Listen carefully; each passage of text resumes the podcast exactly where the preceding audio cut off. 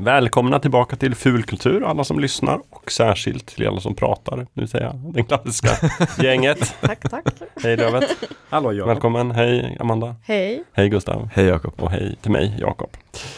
Hur mår ni?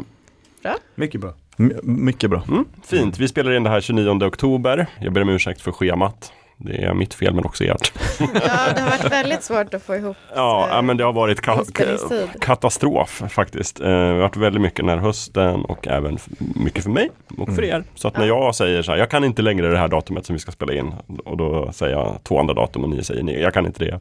Och sen Nej. så till slut hittar vi ett. Så det är därför. Men vi tackar alla som lyssnar för tålamodet. Vi dyker upp som Gandalf när man minst anar det i flödet. Så är det.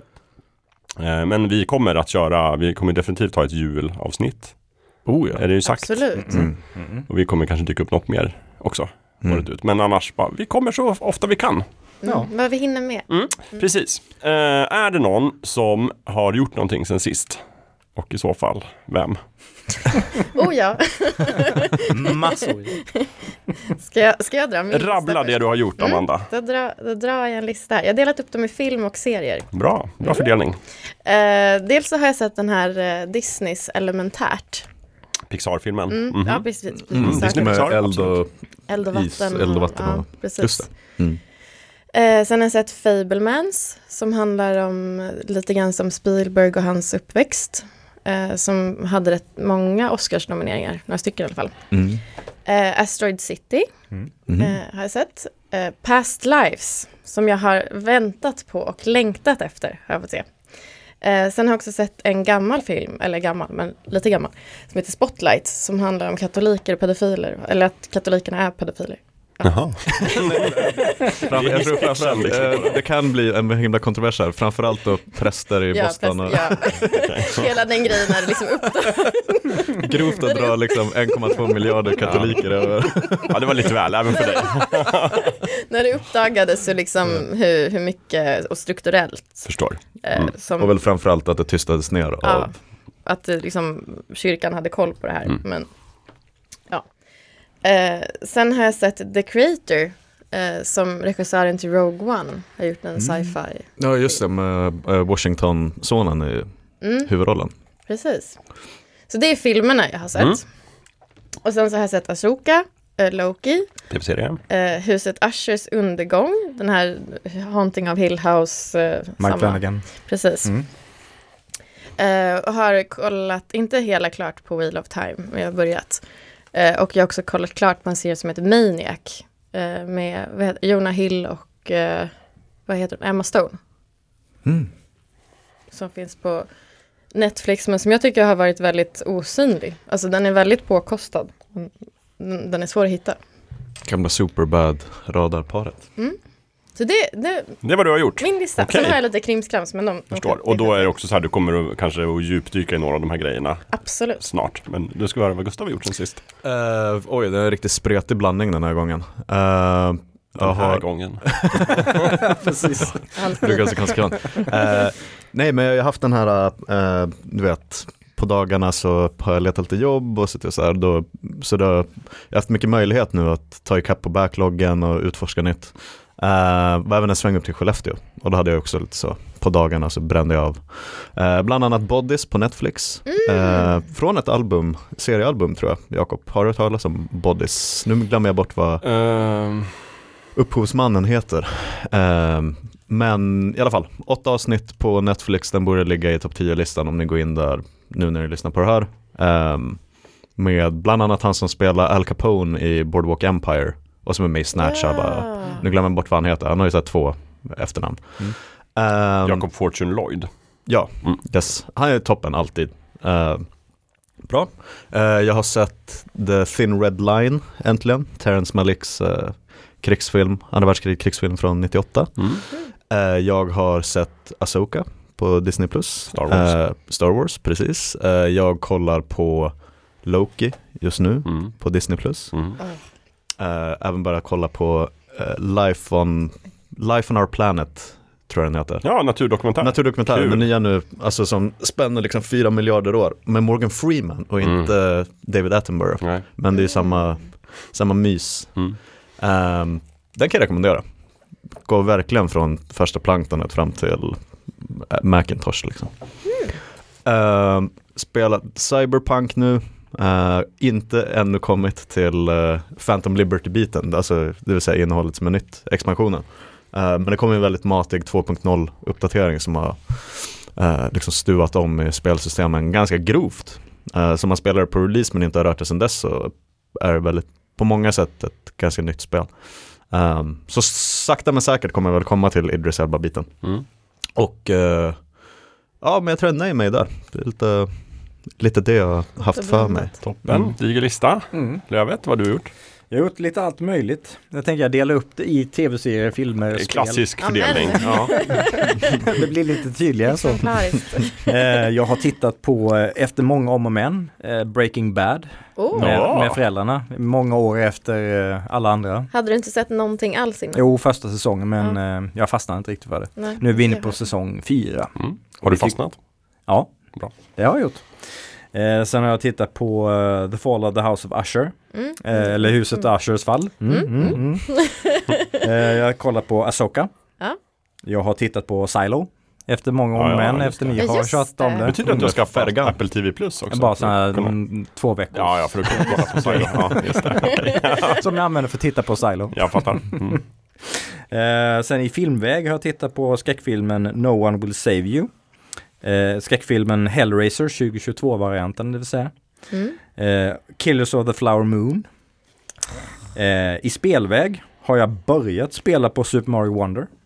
Eh, jag har ehm, jag har förbokat eller jag har kickstartat ett, ännu ett hockeyspel. Eh, jag har ju pratat tidigare om ehm, eh, Tape to Tape. Eh, Mm. Det här roguelike eh, hockeyspelet. Mm. Och nu har jag eh, kickstartat ett spel som heter ODR Hockey. Som ska vara typ sån här NHL Blitz, eh, så här Ah, arkad okej, ja. eh, action eh, hockeyspel eh, med extremt överdrivna strider och väldigt lite i regelväg. och man ska, de, de nådde stretchmål med att man kunde köra sambonis i periodpausen och sådär. Så det är väldigt kul, väldigt kul. Eh, men det är min lista. Kanon. Mm. Jag har inte tittat på någon film på sistone. Jag har däremot kollat på en del tv-serier och lyssnat på en del poddar. Och spelat en del spel. Eh, tv-serier, jag kollar på Asoka också, precis som alla andra. Kul, kan vi prata om den lite om en Ja. stund. Eh, jag kollar på Wheel of Time säsong 2. Mm. Kanske återkommer till. Eh, jag kollar på, håller på att kolla på Morning Show. Säsong Ja. 3 är vi det på. Just det, med Eh, Jennifer Aniston. Och, Eh, och eh, Reese Witherspoon. Mm. Mm. Precis, och jag håller på att kolla på Lupin, Lupin, på Lupin. Netflix. först, eh. första, andra. Eh, alltså det är lite rörigt för det är del 3 heter det på Netflix. Men det Ja. är säsong 2. Två. Ja. För del...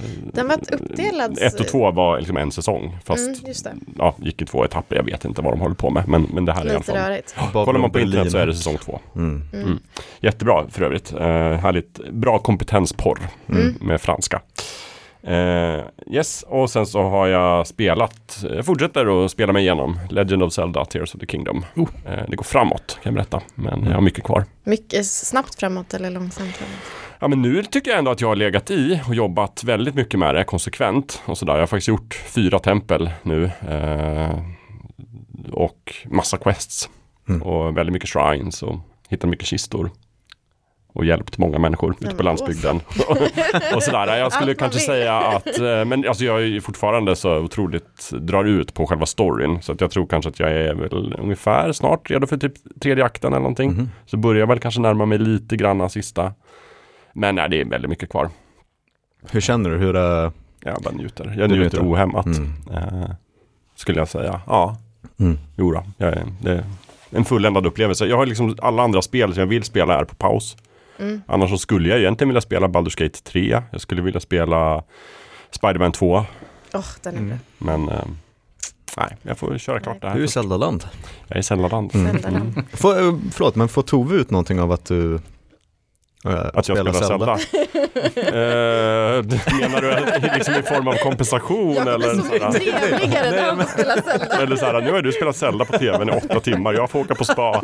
Nej, det är inte så. Nej, men... Nej, men eh, kan det, vara så hon- att, kan det vara så hon- att hon tar en kopp kaffe och kryper upp i soffan och tittar på och så här bara åh, Nej, Kanske med dina barn. alltså jag spelar oftast alltså hemma delar vi på så här, vem lägger barnen. Och Ja. när Tove lägger barnen så spelar jag Zelda Mm. en stund. Mm. Och sen så kommer hon ut och då spelar jag Zelda en stund till och hon gör något annat. Kanske tar ett bad eller liksom Mm. kollar på sin telefon. Och sen kollar vi på någonting tillsammans. Kanske Lupin till exempel på Mm. Netflix. Eh, Men det hon får ut av det, hon brukar säga alltid när hon passerar tvn.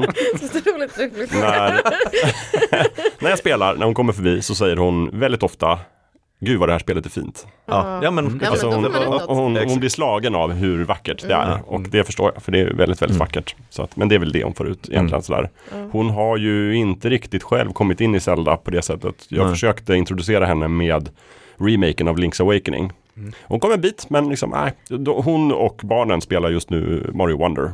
ja, okej. Mm. Bara. Tycker Mm. hon, nej då tycker inte hon, jag tänkte om vi hade något gemensamt, att hon också tycker det är tråkigt om man, om man bara ser textremsor.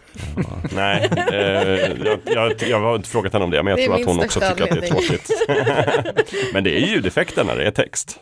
Ja, Det är inte men, tyst. Men, Det är så nej, men är det någon som pratar? Nej, men fejkspråk. Man, kan, man måste läsa. Men- Men så är det ju Sims Eh, också. Amanda, jag skulle precis säga det, du har väl tusen timmar i Sims? Ja. Jo, men de säger ju inget viktigt. Ja, Amanda, Amanda kan också Simlish utan till. Så hon bara, ja, de säger det här och det här. Det är precis som i Guardians of the Galaxy, när man liksom lär känna Groot tillräckligt mycket, då Precis. förstår man vad han säger. Ja, ja, ja. Så är det med Amanda och Sims också. Nej, men jag är liksom också, just kanske Super Mario Wonder skulle jag ju vilja eh, Mm. ta tag i, för att det verkar ju delightful. Men eh, nej, jag, jag är nöjd med det jag är. Jag vill också spela Cyberpunk, Mm. Phantom Liberty. Var sak har sin... Ja. Jag spelade äntligen klart Horizon.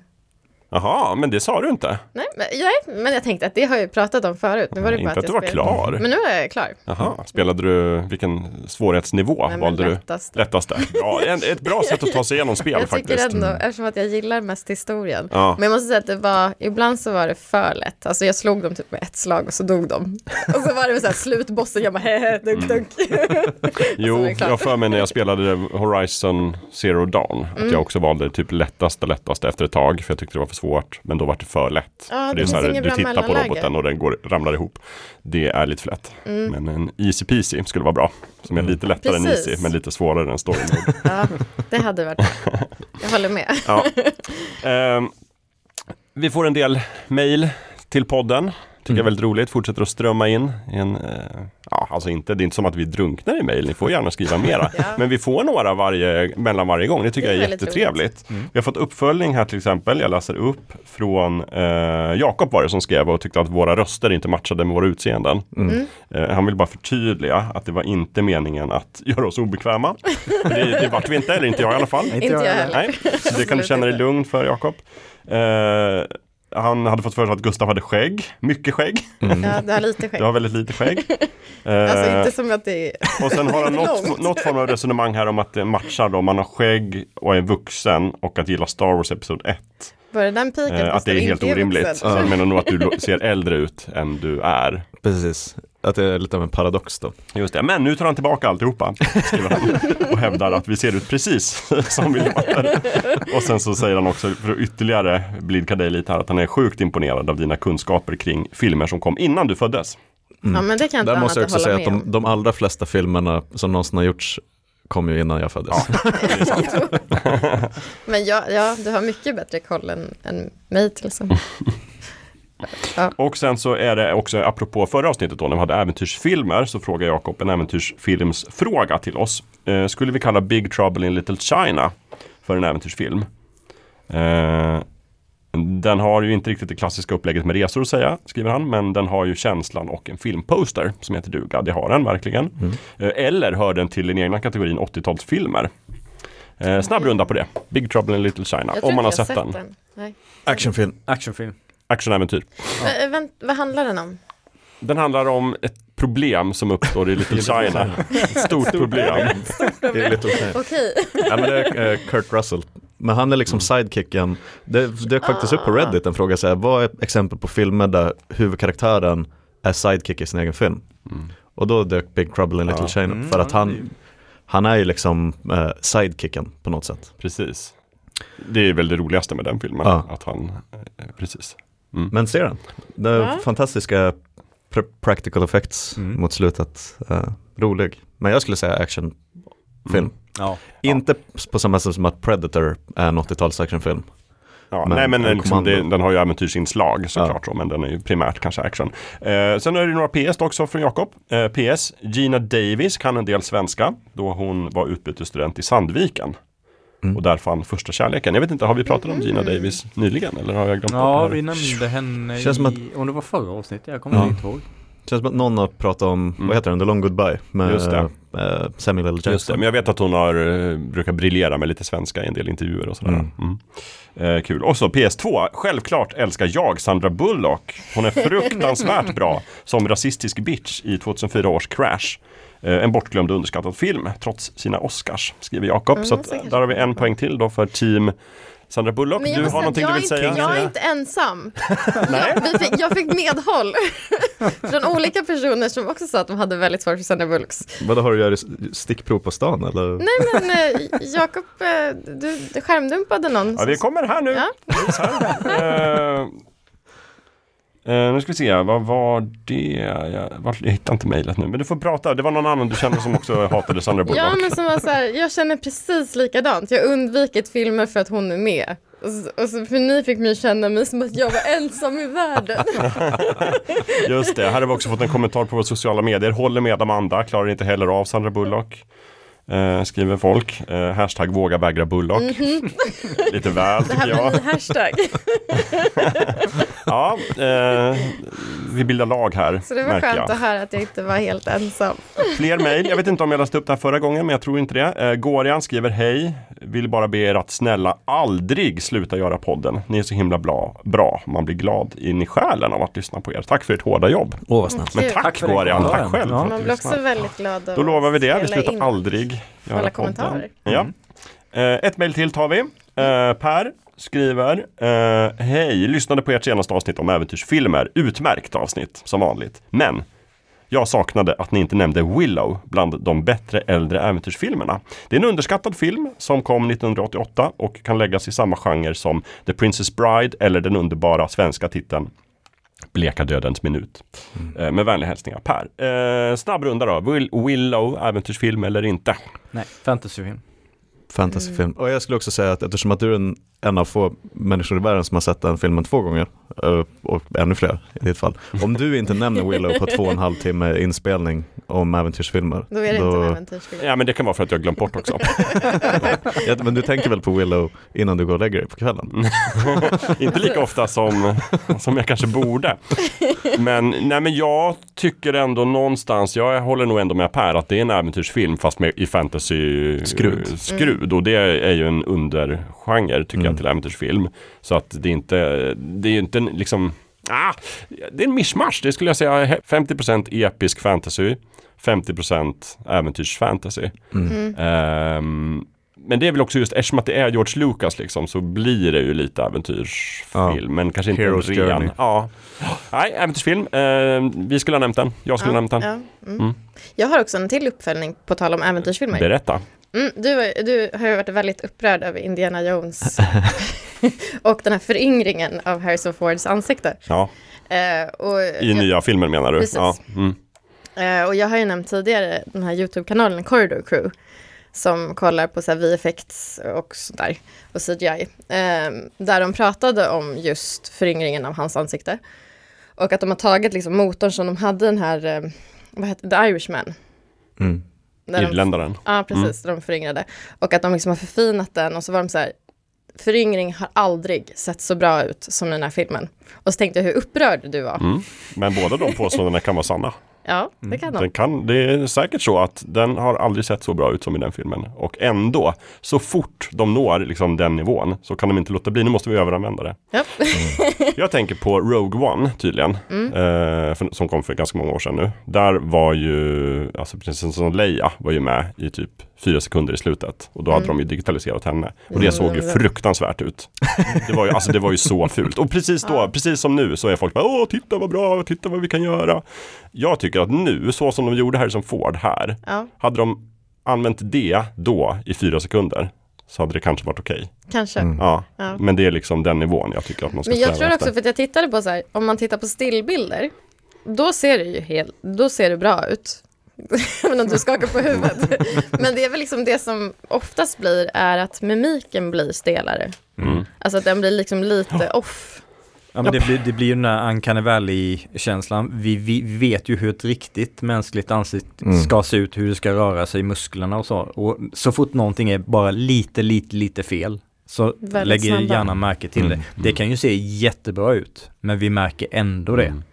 Mm. Och då som i, i ditt fall som du, Jakob, är lite känsliga för det, då tycker Mm. du att det här är för jävligt. Ja, nej, men alltså- Medan Ja, jag är mer vi så här, tillåtande. ja det här är inte helt, helt hundra, men ändå. Nej men alltså jag vidhåller, jag kan ju vara jätteimponerad av den tekniska prestationen och säga så här, ja det här är det snyggaste hittills man har gjort med den här tekniken. Och samtidigt så förstör det min njutning av filmen därför att jag kommer ur den här uh, willing suspension of disbelief. Ja. Men det är Mm. Väl också lite så här, det är inte bara ansiktet, det är väl också hur ansiktet sitter ihop med halsen. Alltså det blir lite så här floating head, om det inte är riktigt bra, Ja, Att det de tänkte sitter jag ju inte ihop. på. Men, ja. då ser det inte heller ut som att det är ett ansikte som ska vara där. Nej. Men skopet här Amanda som du kommer med är egentligen att de som gjorde specialeffekterna de är väldigt nöjda med det de Ja, gjorde. nej men också att liksom branschen är väldigt Ja. imponerad. Ja. Eh, Men de gick också in, vi kan länka till den, till den eh, eh, YouTube-filmen, för att de gick också in på så här, tekniskt hur de gjorde och visade så här, lager och så här, hur det har utvecklats. Mm. Eh, och hur de liksom har, eh, för de jobbar både med liksom, ett ansikte men sen också deepfake på ansiktet, alltså att de Mm. blandar tekniker som Mm. ändå varit intressant. Mm. Just det. Men jag, jag tycker också det är lite skillnad på om liksom hur, hur viktigt och nödvändigt det är att ha, ha med den tekniken. För som i, i Rogue One där, Tarkin, eh, Just det, han ha, den karaktären Ja, var ju en nyckeldel av de händelserna. Mm. Och skådespelaren var död så de kunde inte ha med honom. Mm. Och där, där tyckte jag ändå att det var tillräckligt bra för att det inte skulle förstöra för mig. Och det är ju viktigt att de har med den karaktären och inte med en annan skådespelare som ser helt annorlunda ut. Det hade också Mm. varit knasigt. Vet du vad jag kände? Ja. Det förstörde för mig. Jag hade önskat att de hade bytt skådis bara, för det hade jag lättare köpt. Jag bara, jag fattar, det är påhittat. Det är en Mm. skådespelare som låtsas vara någon annan. Det hade inte jag. Nej. Däremot med, med Leia i slutet, Ja. där, liksom det, Stack de hade kunnat ta någon som, som liknar henne och säga att "Ja, men det här är så Leia såg Mm. ut x antal år tidigare och det är ja men jag köper det för där var skillnaden så stor och det var så uppenbart att det lite förstörde så här suspension of disbelief. Mm. Jag vill tipsa om vårt avsnitt som vi hade tidigare det här året om specialeffekter. Mm. Där tyckte jag vi sa mycket kloka saker. Mm. Mm. Det kan man också göra om man tycker att vi ger ut avsnitt för källan. Lyssna igen. Gå tillbaka. Ja. Och typ, nej, men om man inte har lyssnat ända som början så har vi ändå rätt mycket. Ja, precis. Men jag vet inte om det är någon som tycker att vi ger ut avsnitt för sällan. Det är ingen som har sagt något heller. Så jag tror folk tycker bara att det är lite skönt. att ta några extra veckor. Och vi ska inte- kan behöva lite lugn och ro emellan Vi ska inte också. göra som tv-serier som har pågått för länge att de börjar göra klippshows. Nej. Nej. Minns ni det där avsnittet? Nu ska vi köra. Nu ska vi klippa in det här. Hela avsnittet. Eh, men vi kan väl stanna kvar i liksom Lucas-universumet, tänker jag ändå, och prata lite om Asoka som alla har sett klart kanske, den Mm. senaste Mm. Star Wars-serien på Disney+. Um, bu eller bä? Både och. Både och. Blä. Nej, blä. Bä, ja, lite både och helt enkelt. Ja. Ja. Alltså det är ingenting dåligt med den. Eh, liksom, eh, Rosario Dawson är jättebra i den karaktären. Mm. Eh, jag tycker för det mesta sett är ju produktionskvaliteten jättehög. Det är en ganska intressant del i Star Wars-sagan som, som helhet. Men samtidigt, ehm, musiken är ganska intetsägande. Jaha. Och för min del, alltså, en stor del av det som gör Star Wars bra, oavsett om det är filmerna eller tv-serier, är ju att det är ett minnesvärt soundtrack som, Mm. som ramar in det som händer på ett bra sätt. Och det tyckte jag inte med Asoka. Det, det är Mm. inget Mhm. ljusspår som jag, så här, när jag tänker tillbaks på den, liksom tänker oh det vill jag lyssna på igen. Mm. Det var, var ganska så här, mellanmjölk i bakgrunden, Mhm. musik. Mm. Ehm, Ja, jag har nog inte, jag skulle inte kunna säga att jag minns någon musik. nej. Så då har den väl inte fastnat. Nej, för, för annars, det- förutom ett, en scen där det var jättedåliga specialeffekter. Jag, jag undrar om det är liksom att de Disney i vanlig ordning inte hade betalt sin, sin effektsavdelning det. ordentligt. Men eh, allting annat är ju välgjort och det är en intressant berättelse. Eh, och Asoka har ju blivit en, en viktig karaktär med åren. Med alla, alla de här sidoserierna, animerade si- si- sidoserierna sådär. Så att eh, överlag är jag nöjd med den. Mm. Men det, det blir inte topp. Men nu tycker du den står sig mot de andra som vi har fått? Obi-Wan och Mandalorian. Och... Inte, den är in, ja, den, den är ju bättre än Obi-Wan. Det är inte så Eh, den är inte bättre än Mandalorian. Nej. Nej. Och den är inte bättre än Andor. Eh, jag är fortfarande så här, tycker jag Andor eller Mandalorian är bäst? Mm. Eh, för Andor är den jävla fantastisk alltså. Andor är väl ändå bäst. Vad sa du? Andor är väl Ja, jag bäst. lutar mot det. Eh, musiken i Mandalorian. Musiken i Mandalorian är bäst, men Ja. Andor, ja, liksom Star Wars storymässigt, ja, då är det nog faktiskt bäst. Men jag måste säga, för att jag, för jag tror att det kanske var för typ två eller tre avsnitt sen, så pratade ni om att ni hade börjat se på Asoka. Mm. Mm. Eh, och att jag frågade om det var så här, är det inflation på typ gröna människor? Eller så här lustiga. alltså så här, Aliens. Ja, aliens. Ja, ja, ja. Ehm, men och då, då måste jag säga, jag kollade, klar, jag kollade hela senaste säsongen av Mandalorian. Eh, och jag tyckte att den hade, den hade högre inflation på så här lustiga karaktärer som ska se lite roliga ut. ja eh, okej. Så gör det typ lite ploj, Mm. plojigt det. eh, än vad Asoka hade. Fast den, de huvudkaraktärerna, orange och gröna. ty- så det, ja, jag tyckte om Asoka. Alltså inte bara för... det lät så att jag, usch vad hemskt! Gröna människor. Åh oh, nej! Innan jag kollar på den här skiten, jag måste bara, hur många gröna människor är det med i den? Eller är det liksom nej det är för riktiga? många gröna människor, Nej, jag men, mig, för mig kan det bli om det finns liksom för, eh, liksom, ja, för mycket av det så kan det bli samma sak att jag så här, inte tycker att det, eller det blir plojigt eller Ja. liksom inte trovärdigt. Och att de tar så mycket fokus att man liksom inte missar handlingen men att den som den liksom blir nästan underordnad för man ska försöka visa upp så många så här, så här skulle en alien också kunna se ut. Mm. Så din favoritdel av episod 1 är inte när de är hos alla gunganer nere i undervattensstaden? Och...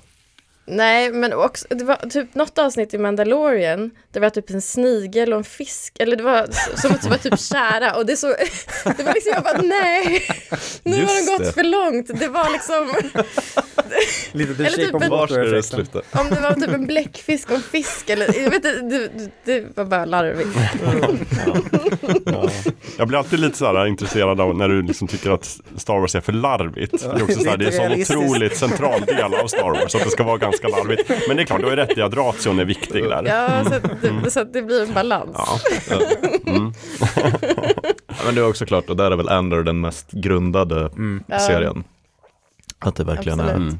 Men du då Gustav, du är ändå lite Asoka-generationen.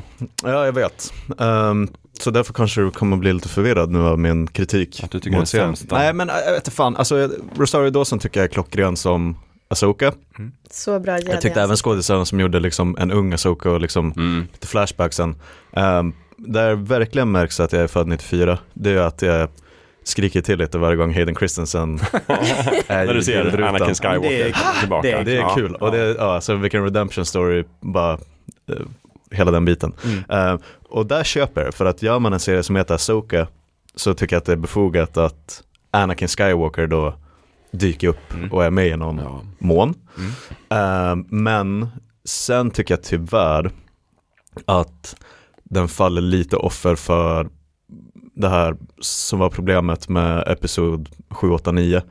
Att så här, det är en väldigt liten galax. Det finns miljontals Mm. planeter men allting kretsar kring samma familj och det visar sig att Ray är barnbarn till den och du vet allt. Ehm, jag tycker att det blir lite den att ehm, alla karaktärerna, de åker ju för fan till en annan galax utan att spoila någonting men att ändå där så är det samma tio personer som gick gymnasiet ihop Mm. som, alltså Är du här? Ja. på något sätt. Så, så gigantisk galax men det blir ändå bara de här uh, samma karaktärsgalleri. Uh, för det jag fortfarande tycker var genialiskt med Mandalorian säsong, de första säsongerna där. Att det var verkligen en helt ny karaktär vi hade Mm. sett förut. Som också om, här, runt om den här karaktären var också nya karaktärer. Mm. Sen var det såklart flört och så dyker den karaktären upp men Mm. det är det som är så spännande med Star Wars när de slänger sig ut och gör någonting Och Andor bevisar att man kan göra det i en ganska bestämd tidsperiod. Vi vet vad som hände innan Andor, vi vet Mm. vad som hände efter Andor. Uh, Rogue One, så du vet. Eh, men allting känns nytt och fräscht och spännande. Mm. Eh, och fortfarande, jag tycker det absolut bästa med Andor är ju Stellan Skarsgård. En originalkaraktär som vi inte har sett Mm. Tidigare. Um, så lite den, jag vet inte, alltså jag är inte så frälst av eh, du vet Rebels och eh, The Clone Wars, alla de där. Ehm, och det känns lite som att Dave Filoni är verkligen så här, åh nu får jag göra live action Mm. av, och det är ju kul att se dem på sätt och vis, men Mm. Och vad tänkte du om, för de, de här, utan att spoila någonting, de här Night Sisters? Som Ja, det är också- Rebels. Det är, ju, det är ju mycket mer in på fantasy-delen Exakt. av Ja. eh, Space Fantasy. ja. Eh, och jag, jag, var, jag var inte helt så här, he, helt hundra på men jag tyckte att det var bra att det introduceras i mm, mainline Star Wars-serie. Mm. Jag, jag räknar inte riktigt de animerade på samma sätt. Nej. Mm. Och, men samtidigt, det, det ska ju ändå vara rymdopera och det här drar det mer åt fantasyhållet. Jag är inte säker på att jag tycker att det är jättebra. Å andra sidan, de karaktärerna, det funkade ju i storylinen. Ja. Men, Ja, men jag vet Ja, inte om jag det tycker, ska eller Jag hur, jag, jag tycker att det det blir funkade, lite, eh, lite plojigt på, alltså, vad ska man säga? Gen- Genrerna blöder in i varandra Mm. på ett, för jag, som jag vill ha det, jag har ingenting emot, vissa tycker att Star Wars ska vara rebeller och The Empire liksom. Ehm, lite mer den här puristvin, Mm. episod 4. Eh, jag har absolut ingenting emot att de bara drämmer på med ljussablar, kraften, Mm. mind tricks alltihopa. Men jag på något sätt vill jag också att det enda liksom magiska inslaget i Star Wars ska vara kraften Mm. och jedis och sith och sådär. Mm. Men nu när de blandar in, för de- det heter ju till och med liksom magic, Ja. eller magica. Eh, Och det är gröna effekter och det Mm. slurrar runt och det är oklart var det kommer ifrån och De kan se framtiden. Ja. Mm. där är jag fan inte helt, så här, där känner jag att vi behöver inte få tre serier till på Disney Plus där Dave Filoni tar in alla de här, äh, du vet, alla grepp han har gjort på Nej. den mer mytologiska sidan av Star Wars. Ja, för det Eh, känns som originalfilmerna, det var ju mer rymdvästen med Mm. fantasyinslag. Och det här är ju mer rymdfantasy. Mm. med vissa så äventyrsinslag. Och Men jag tycker det, Star Wars lider redan att det är för mycket så här fandom och lore och Mm. folk som tycker olika och headcanon hit och dit. Mm. Ge mig bara någonting som är som Andor, det var bra dramaturgiskt tight serie. Mm. Mm. Inte att man säger, åh det är bra för att det där kopplar ihop med episod 146 av Rebels när de är på den där planeten och den grejen och Mm. Ja men det är som eh, Rogue One skulle ju från början varit mer åt det lite mörka allvarliga hållet. Mm. Och sen så sparkade regissörerna och det liksom klipptes om och det märktes ju i slutprodukten men ändå den var ju lite nytt grepp. Och sen Mm. kommer Andor Mm. och är ett är mer ett nytt grepp och introducerar nya karaktärer. Och som, och liksom, en serie ska inte kunna vara, gå i träda sedan slutet av 70-talet. Liksom. Någonting nytt måste ju introduceras under årtiondena som följer. mm. Så jag håller med där, att eh, någonting måste ju vi måste få lite nytt i det universumet nu. Mm. Men jag tror också, för jag har inte sett någonting om de här sido animerade, liksom någonting sånt. Så för mig så var allting nytt. Men det gjorde också att jag inte riktigt hängde med ibland. Mm. Att jag så, vad, vad- vilka, vad, vad är de? vilka är de? Varför kommer de? Hur, är de kompisar med jedisarna eller inte? Kommer de från vilken planet? Så här, det blev väldigt rörigt och det blev också som att det kändes som, speciellt på slutet, de sista typ två, tre avsnitten. Mm. Som att det, så här, det, det bara kom så här logisk lucka efter logisk lucka efter logisk lucka. Och man bara, varför springer du dit där du borde springa dit? Du ska ju se till att den inte springer dit. Men nu stannar ni och slåss. Det var liksom, eh, jag tycker det blev jävligt rörigt på slutet. Mm. Eh, Men jag, jag gillar ändå den storylinen i, um, om, det- om det är Rebels eller vilken av dem, men uh, där Night Sisters och eh, Darth Maul och de, de karaktärerna, de integrerar med varandra. Mm. Jag gillar den storyn där. Därför jag var lite splittrad när jag så bara, ah, Night Sisters, jag gillade ju ändå det i, i de, de animerade serierna. Så bara, men gillar jag det här? Mm. I live action serier så här, ah, lite tveksam faktiskt. Mm. Men däremot otroligt bra han jedi-skurken som inte var jedi längre. Ja, vila i frid. Ray Ja, Steven. Ray Stevenson. Mm. Ja, han dog ju de hade spelat in hela serien, sen dog Mm. han ju på en inspelning i, I Italien. Australien. Va? Nej, det här har jag Ja. missat. Jaha, nej, ja, han måste... Ja, Ja, det är ju för därför det står For Steven, för han, Ja. han är i efterredigeringen så han, han ju dö under den tiden. Nämen. Och han har ju gjort jättemycket bra också. Mm. Ja, i Rome. Rome och... Är han ju fantastisk som Pollus. Mm. Mm. Ja, ja, nej men verkligen, han var ju en fantastisk Jätte- eh, och karaktär. Och, kul lite så här spännande. Ja. Ja, det, jag han var inte det. bara en... en eh, Nyanserad. Sitt. Ja, nyanserad. Man Han var lite någonting. vart ska du ta vägen? Mm. Hit, dit, jag vet inte. Och Lite moral, lite omoral. För där tycker jag verkligen det funkar så här spillet från episod 3 och vad som hände med alla. Mm. Eh, två, de två karaktärerna, du vet de skurkarna, han och hans lärling, Padawan på något sätt. Mm. Superspännande karaktärer. Mm. Nu är det ju såklart jättesorgligt då att eh, det inte kan tas vidare till säsong två på samma sätt som de hade velat. Men det tyckte jag var det mest spännande, men det kom liksom lite i skymundan för att de skulle så ta in de välkända karaktärerna. Mm. Eh, ja. Mm. Sen måste jag också säga när vi ändå är på ämnet att jag tycker att tyvärr att Asoka har lite den här uh, Marvel Cinematic Universe-grejen. Um, för ta, ta Obi-Wan till exempel, det skulle ju bara vara en svanesång för Ewan McGregor och göra liksom, den var ju bara dålig för att den var dålig på vissa sätt. Mm. Eh, Tempo satt konstigt och manuset var lite off.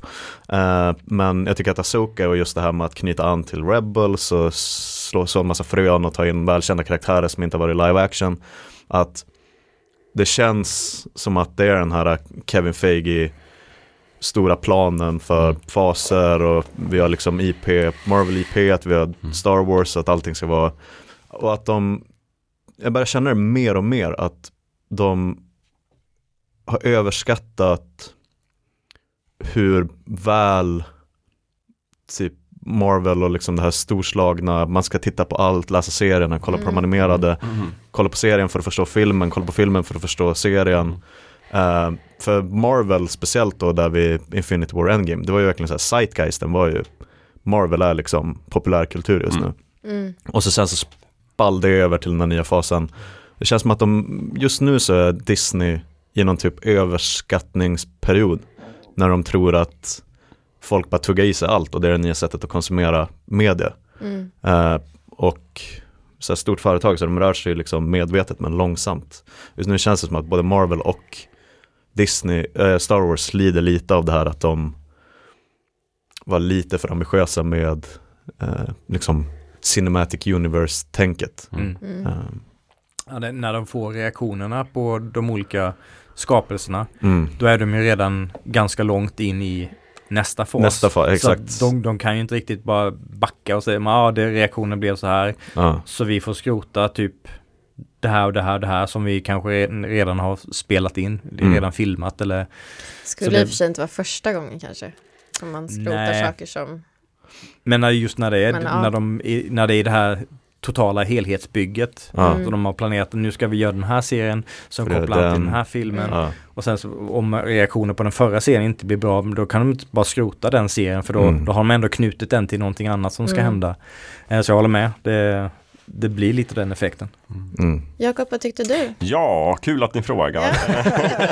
jag tycker den var jättedålig. Nej, det tyckte jag inte. Jag tyckte den, hade, den var lite all over the place. Mm. Eh, Jag tycker den har ingenting på Andor. Andor står verkligen i en klass för sig. Eh, Jag tycker att den var kanske inte heller lika bra som Mandalorian överlag. Jag tycker Mandalorian också var väldigt svajig senare säsonger. Mm. Men om man tänker att Mandalorian är någon sån där liksom äkta Star Wars i tv-serieform så tycker jag nog det här var också det fast lite annan aspekt. Eh, jag tyckte det var bra stämning överlag. Jag tyckte skådespelarna var jättebra. Rosario Dawson var jättebra. Eh, Ray Stevens var jättebra.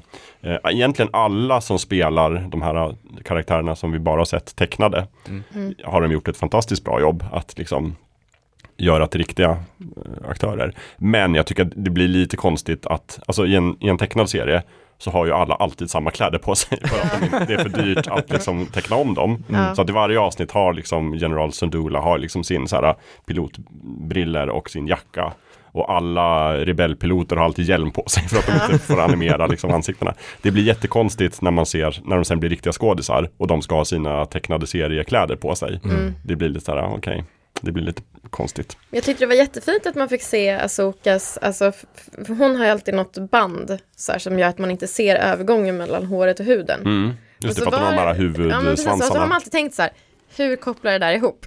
Eftersom att de aldrig visar, visar de övergångarna. Men så var det någon gång där man fick se övergången och hon inte hade den här grejen Mm. på sig. Man fick se typ så här, alltså öronen som inte fanns, eller Ja. liksom hela, Jo. för det finns så många frågetecken under det där diagrammet. det blev jag lite glad över att få se. Ja, jo. Nej men annars, produktionen tycker jag den var väl bra. Den är ju liksom gjord på exakt samma sätt som nästan alla de här Star Wars-serierna. Att de Mm. jobbar med het, jag vet inte vad systemet heter, men där de har stora liksom skärmar i bakgrunden. Ja, Men det är Ja, en Unreal det. Engine. Ja, eh, Unreal Engine, med som kan liksom bygga upp vad de vill, fast man spelar inte mot en green screen utan mot en sån skärm. Ja. Eh, Så som Andor inte gjorde, utan Mm. där Andor faktiskt åkte till ett ställe och filmade där. Och det märks ju. Men det var snyggt, det var bra gjort, tekniken går framåt. Eh, jag tyckte musiken var ändå eh, bra. Eh, jag hatade den inte som du. den är ju gjord, det är ju samma, det är ju Kevin Kiner som är samma kompositör som gjort alla de tecknade Star Wars-serierna. Som eh, Filoni har plockat upp och använt den här. Jag tyckte framförallt att eh, sluttemalåten var jätteepisk och bra.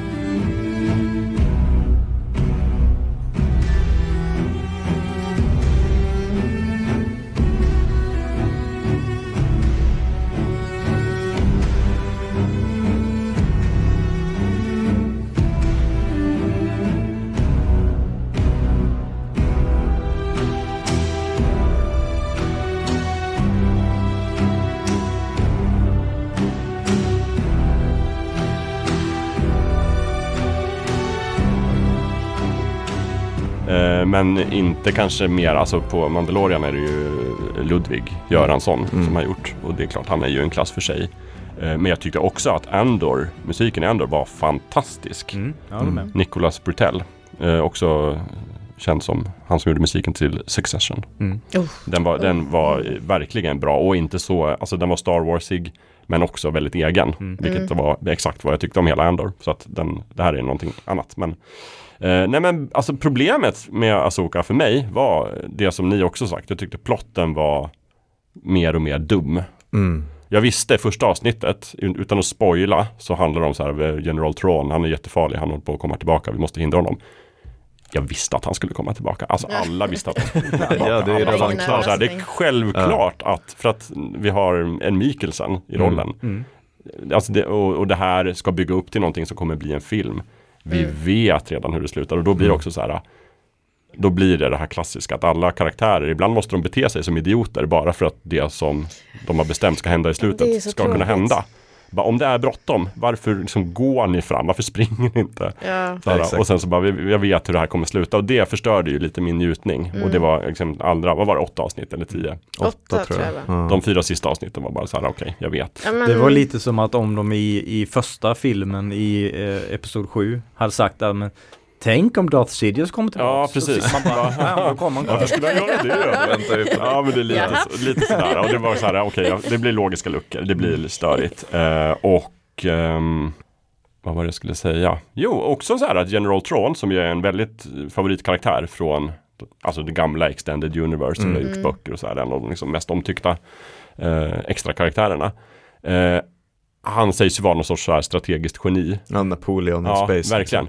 Och det är han ju, men det är han ju bara för att han är en, en normal, han tänker som en normal människa. Det är bara så här, vi ska nog ta det lite lugnt här, vi ska göra det försiktigt, vi ska inte skicka ut alla till höger och vänster medan alla andra beter sig som Wow. idioter. jo, verkligen. Man är bara så här, okej du tänker normalt, Normalt. därför är du ett geni. I den här galaxen så är alla ett snäpp under i intelligens. Eh, men jag tyckte han gjorde den jättebra. Eh, Han är ju rösten också i den tecknade Mm. Det. Så att, eh, kul, han, har den här, lite- han är bra på att spela lite otäck. Ja. Han hade ju väldigt så, alltså med ta, tal om ansiktsmimik och sånt där. Mm. Det var ju väldigt stelt, eller vad ska Ja. man bara, Mm. ja, obehagligt för att han inte betedde sig som Mm. människor.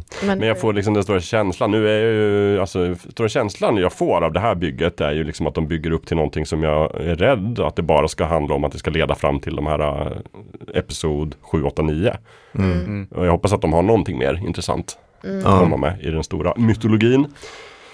Eh, eh, Jag vet inte om ni tänkte på det men eh, både Thrawn och Asoka, de karaktärerna. Nu när man, man tittar på det i så- så 4K eh, glorious upplösning. Mm. det syns ju ändå att det är sminkade människor Ja. på, på sätt som i originaltrilogin. Där var det så lågupplöst. Man, man kunde inte se att det var smink. Men, men här är det det blir ju väldigt uppenbart. Alltså, man vet ju att Det är, så, det är som i första säsongen av RuPaul's Drag Race. Det finns något så här litet glammigt film, alltså som att man smetat vaselin på linsen.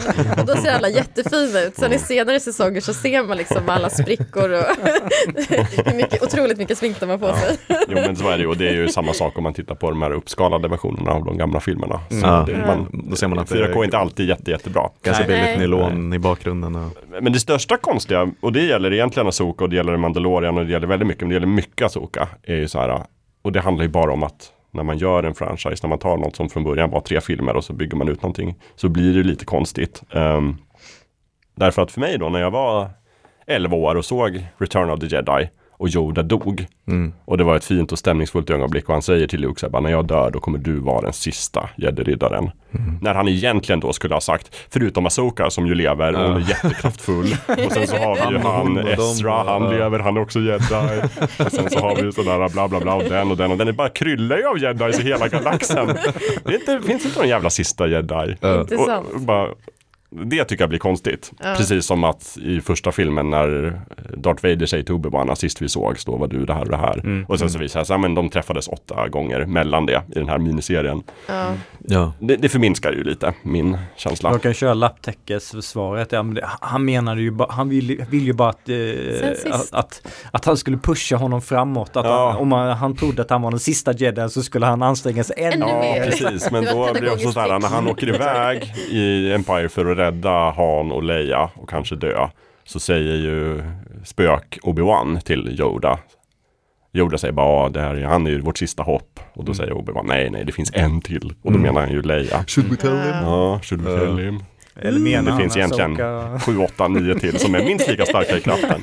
Och det blir också konstigt så här, vem är Luke Skywalker i den galaxen? Är han den här liksom the chosen one, verkligen? Eller är han bara liksom den sista personen som har kontakten med kraften? Det är han ju Råkade. uppenbarligen inte nu Mm. för tiden. Nej. Men ah, jag vet inte. Men det där är också, alltså, eh, ursäkta språket, men jag är så jävla ointresserad av att sitta och läsa en lång post på Reddit som ska försvara hur det faktiskt stämmer och funkar ännu bättre att eh, Obi-Wan träffar Darth Vader i serien Ja, innan fyran och Nej. fan. Nej, det är verkligen, hitta jag blir nästan mer provocerad av att Ja, man kan hur? göra ett argument Ja. för att det ändå hänger ihop. Och när han sa sådär så menade han det och han syftade på specifikt det där. Och faktiskt, om man tänker att han då inte visste att just de där, det blir bara, nej, Det du har bara förstört hela. Sen, så, du vet, och så kokar det över när uppföljning så bara eh, sen har, har jag även en headcanon att eh, Darth Vader tänkte det här, bla bla bla, finns ingen Är bäring det ditt triggerord? Ja, Okej. headcanon. alltså, ja, fy fan.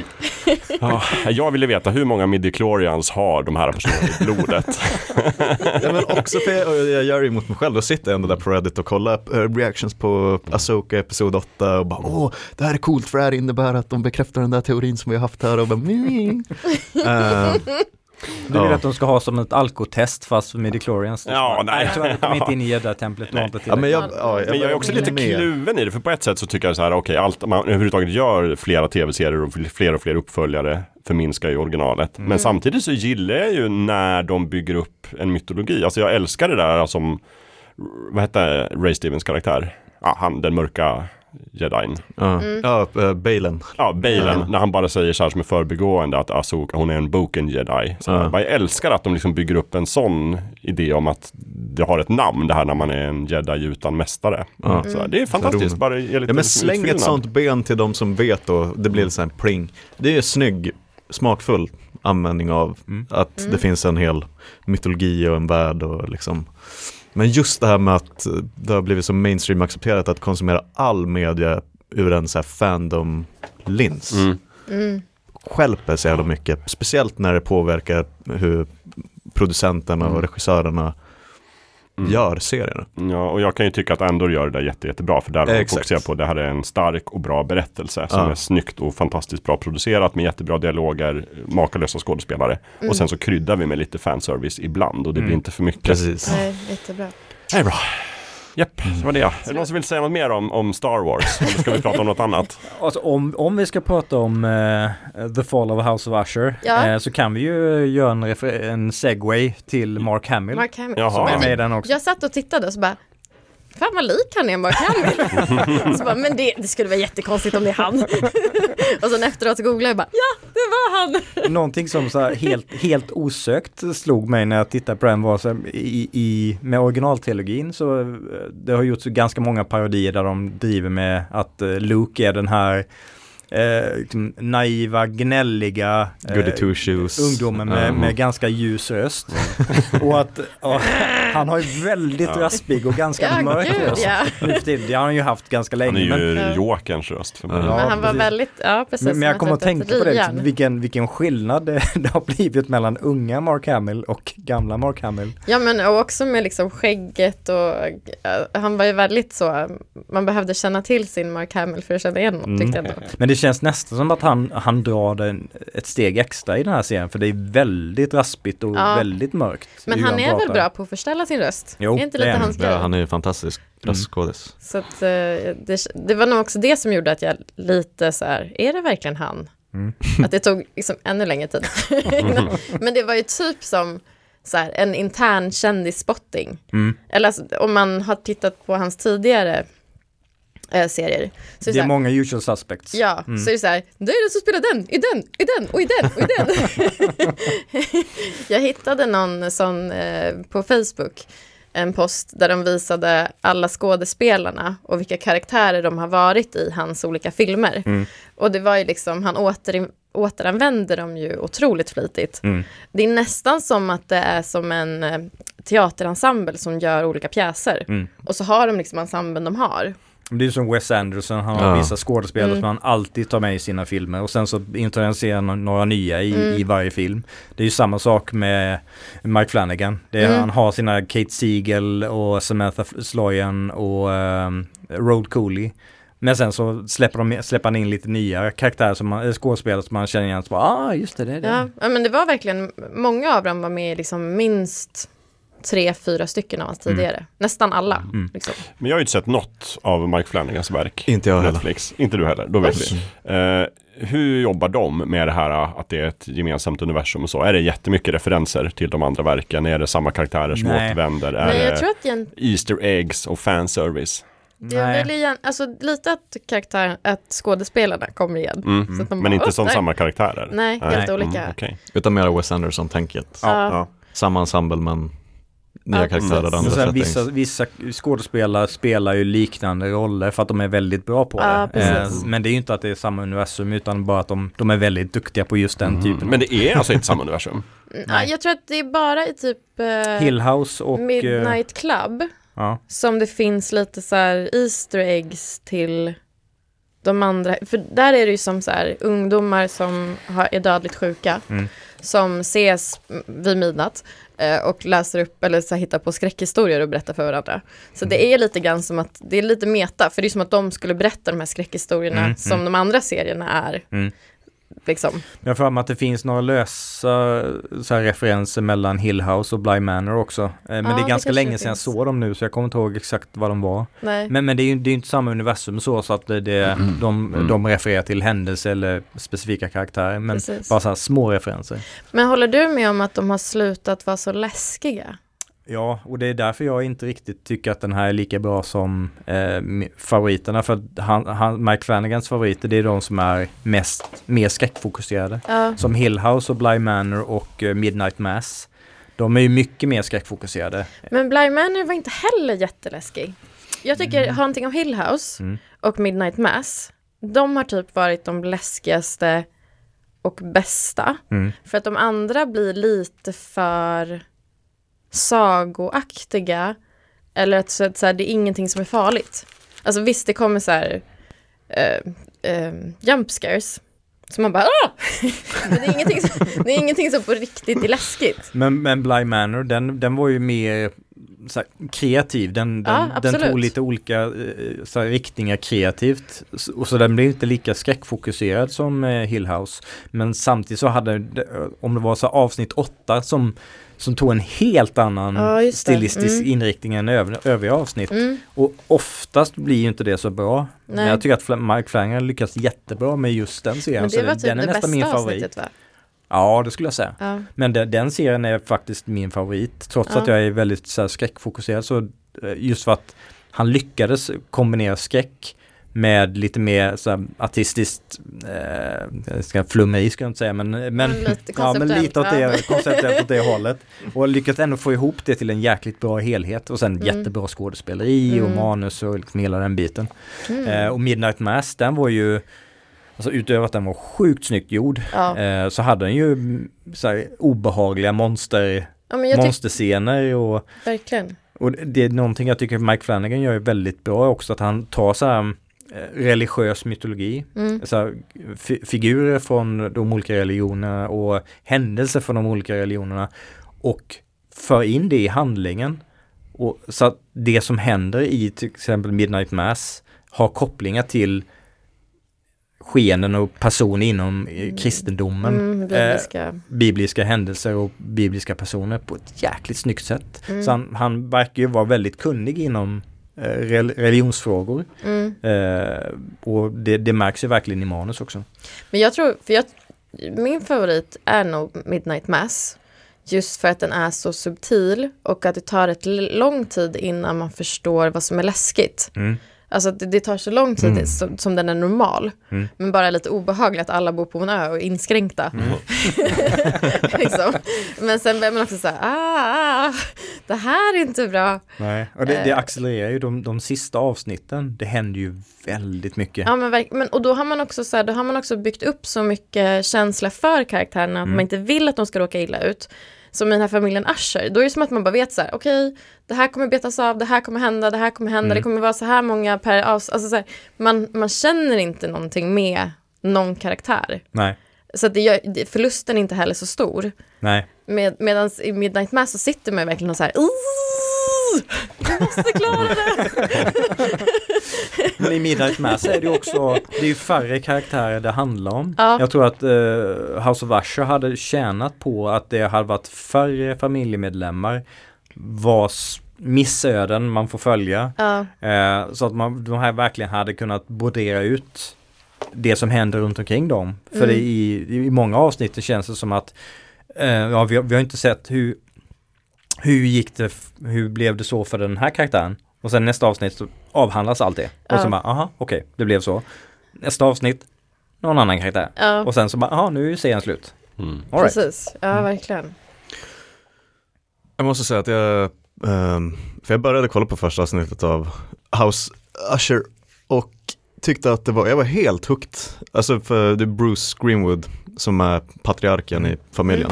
Känd för att ha spelat USAs president i fem miljarder filmer Mm. i sin karriär. Eh, bland annat eh, eh, National Treasure 2. Han har väl Eh. presidentiskt utseende. ja. Ja. Eh, nej men att eh, när han sitter där i barndomshemmet där i början med, vid elden och pratar med den här uh, distriktsåklagaren. Mm. Och han ska liksom, som jag ja. trodde var Lupin först. District Attorney Dupin liksom. Mm. Eh, och Bruce Greenwood då när de sitter där och han ska pitcha då liksom att på något sätt så startar det på slutet för att han sitter där och familjen är i spillror. Mm. Mm. Eh, det där var jag helt, jag var helt såld. Tänkte det här kan vara hur bra som helst. Eh, men sen när det då går över till familjen och det blir en lite så här uppskruvad, ehm, bara lite, jag vet inte. Men det är lite som att vara på zoo och titta på så knäppa Ja, nej, människor men, som knäppa alltså saker. lite så här stupid succession ja, blev det Mm. plötsligt. Eh, så jag kollade fram till den här första middagsscenen när de ska sitta då och prata ihop sig. Mm. Stängde jag av, gick och la mig. Mm. Eh, för att jag kände mig så snuvad på vad jag trodde att serien skulle vara precis där i början med Dupin och bakgrundshistorien när de var små. Mm. Ja, supertät liksom stämning. Eh, men sen så blev det, jag vet inte, lite för blajigt liksom. Mm. Uh, jättespännande såklart att eh, Mark Hamill dyker upp och ska vara liksom the Pim Reaper, familjens uh, Fixare. fixare. Mm. Eh, men det blev bara för f- fjantigt, är fel ord, men Mm. så här lite dum, Jo, men lite. dumt success, stupid succession Mm. plötsligt. Och alla ska vara lite grova i munnen och ja. Det blir barnvänligt på något sjukt sätt. Alltså, det, är inte, det är inte barnvänligt ja men det nej, blir men liksom, lite det blir ja, lite för tillrättalagt Mm. eller så här. Mm. Ja, det, det, var, liksom, det, det blixtrade till några gånger under seriens gång, typ som Samantha Sloyans karaktär Mm. och eh, hur hon, eh, hur det går illa för henne. Alltså det lyckas till med några obehagliga scener men överlag så var det, det avhandlades för snabbt Mm. och det var lite, lite för överdrivet så att man Mm. inte riktigt, Mm. Man tog inte till sig det på samma sätt. Nej. Som i, i Bly Manor, där bygger de upp allting väldigt effektivt från början. Så när saker börjar veckla ut Skena sig, liksom. Ja. Ja, då, då är man med på tåget liksom. Oh, jävlar, och nu, nu får jag reda på liksom, vad, som, vad som egentligen ligger bakom det här. Ja. Ja. Men och även i, även om Haunting of Hill House som rätt fort blev jätteläskig Mm. och som lyckades vara, tyckte jag i alla fall, var jätteläskig typ hela vägen igenom. Eh, de liksom, där byggde de ju upp parallellt på något sätt. Men det kändes som i Usher så bara matar de. Så, här, nästa, nästa, nästa, nästa, nästa. Och så blev det inte det här liksom det uppbyggda. jag, tänkte också på, om, jag vet inte om ni håller med, men där med Carla Giuginos karaktär. Mm. Jag hann ju inte så långt. Nej. Eh, bara, det? Eh, det är ju ho- hon, eh, hon som är bakgrundsfigur som återkommer i alla deras, de som, hon som hemsöker alla dem. Ja, ja, mm. mm, mm. Eh, alltså den karaktären och, och det, den karaktären, den rollen hon spelar tyckte jag var väldigt intressant och, och spännande och liksom få reda på vi, vem, vem är den här personen, vilken roll spelar den här personen egentligen? Hade de skalat ner familjemedlemmarna som man får följa så kanske henne, hennes effekt på de familjemedlemmarna hade varit mer påtaglig. För nu känns det mer som att ja, hon, hon är där och hon får den här personen att göra så här. mm. Nu, nu är hon med och får den här personen göra så här Mm. och sen så i slutet bara, ja okej, så blev det. Hon hann inte bli så läskig som hon skulle kunna vara. Nej, hon Nej. hade väldigt poten- potential, Mm. eh, liksom narrativt, eh, för hur, Mm. hur starkt det skulle kunna vara. Mm. Och det blev inte riktigt så starkt Nej. skulle jag säga. Men det är jättevälgjord Mm. serie. Ja, det, Och skådespelaren gör ett jättebra sin, jobb. eh, Slipat sitt universum, om man ska Mm, säga. mm. Verkligen. Men eh, det är ju fortfarande Hill House och Bly Manor som är, och Midnight Mass. Om Midnight Mass. Jag tycker det är så läskigt. Alltså där har de ju, ehm, när de blir liksom, nu vet jag inte hur mycket man ska avslöja. Men de har ju en specialeffekt som är så här att de får typ som kattögon. Mm. Och som är jätte, jättesubtil. Alltså den är verkligen jättesnyggt gjord. Mm. Eh, jag var ju skräckslagen för mina katter veckor efteråt. När jag satt så i mörkret och så såg jag så Selmas små ögon. Jag bara "Aah!" Det var jätteläskigt. De är- De, de, de, de fick det verkligen på pricken. Mm. Eh, och att det var så subtilt. Att det Mm. inte var så att det stack ut som så här lysande ögon. Utan att det var lite, lite, lite man såg liksom. Mm. Eh, ja, det var läskigt. På tal om kattögon, och där absolut inte är snyggt gjort. Så, Många segways idag. nej men så såg jag eh, äntligen, eller äntligen, men jag såg säsong tre av The Witcher. För jag tänkte jag vill bara, jag vill bara få Just bocka det. i den där. Just det, skoj. Jag glömde säga det, jag har också sett klart den nu. Du har gjort det? Ah. Ja. Jag såg ett avsnitt sen bara, nej. jag, såg, jag såg klart båda. Eh, bara för att bocka av och lämna det så att jag aldrig mer behöver tänka på det där. Mm. Ehm, och Deras alltså ögonen där, det är som att budgeten bara, nej, nej, ni, ja. Men jag tycker också, för jag har tittat mycket på ögonen, för, för de, de syns så mycket ibland. Och jag tycker de är så ojämna, för ibland Ibland ser det jättebra ut. ser det jätte, jättebra Ja. ut. Och ibland så ser det ut som så fula plastlinser att jag vet inte vad. Mm. Och som att de också har belyst ögonen så att de liksom verkligen så här är självlysande ut. Jag har inte förstått varför det är så olika. Nej, det måste ju vara någon exakt. bud- budgetfråga. Ja, budgetfråga, hur de har, I don't know. Men det är också väldigt talande, nu kan man också tänka sig, ja det är väl seriens minsta problem. Men det är också så talande för serien, att ibland, även i säsong tre tycker jag, så är det ju individuella scener, ärligt talat för det mesta när det bara är Henry Cavill och han har typ en monolog. Mm. Eh, vilket, ja. Så den glimmar ju till ibland, även i säsong tre. Bara så här två minuter så blir man lite så här, oh, Mm. det här känns verkligen gediget och Witcher. Mm. Men det är ju 2% av 100. Mm. De resterande 98 procenten är ju alltså tågkrasch i slow motion.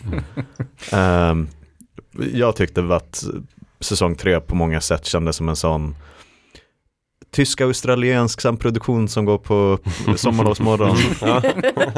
Lite syn och... Ja, precis. Ja, man bara, vad fan. Ehm, och det märks att de försöker med lite så här stilistiska och dramaturgiska grepp, Ja. men det faller så jävla platt. Och, Ja.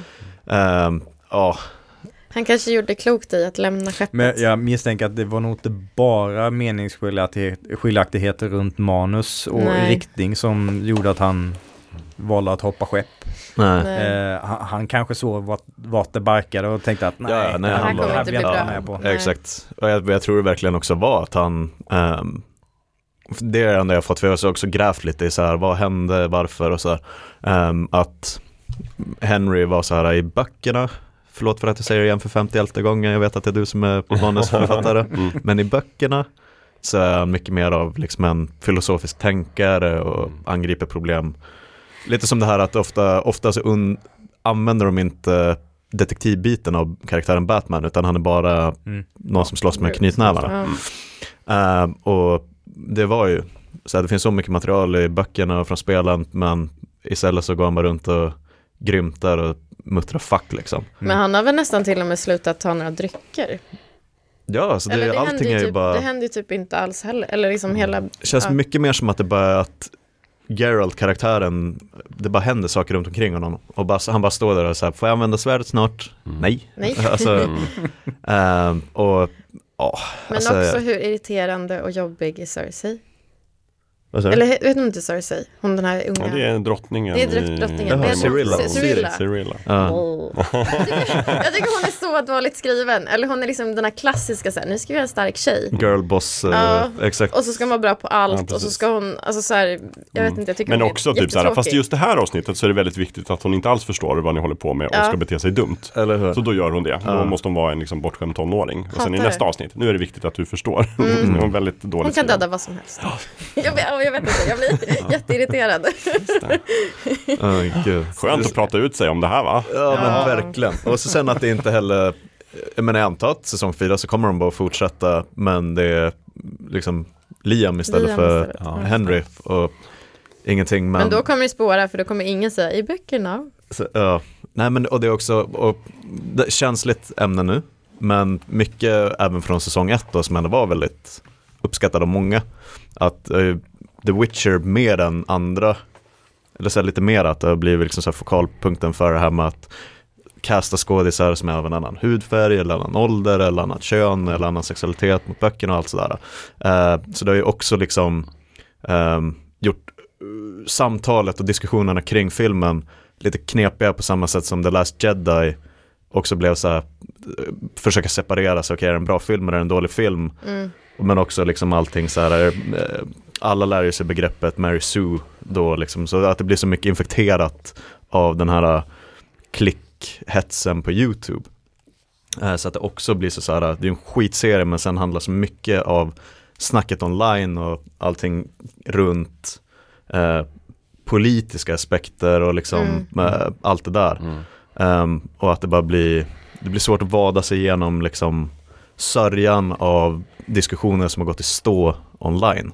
Mm. Eh, och det är synd, för då tycker jag då, eh, kom, då så här, glömmer folk bort kanske att det är en jävla skitserie.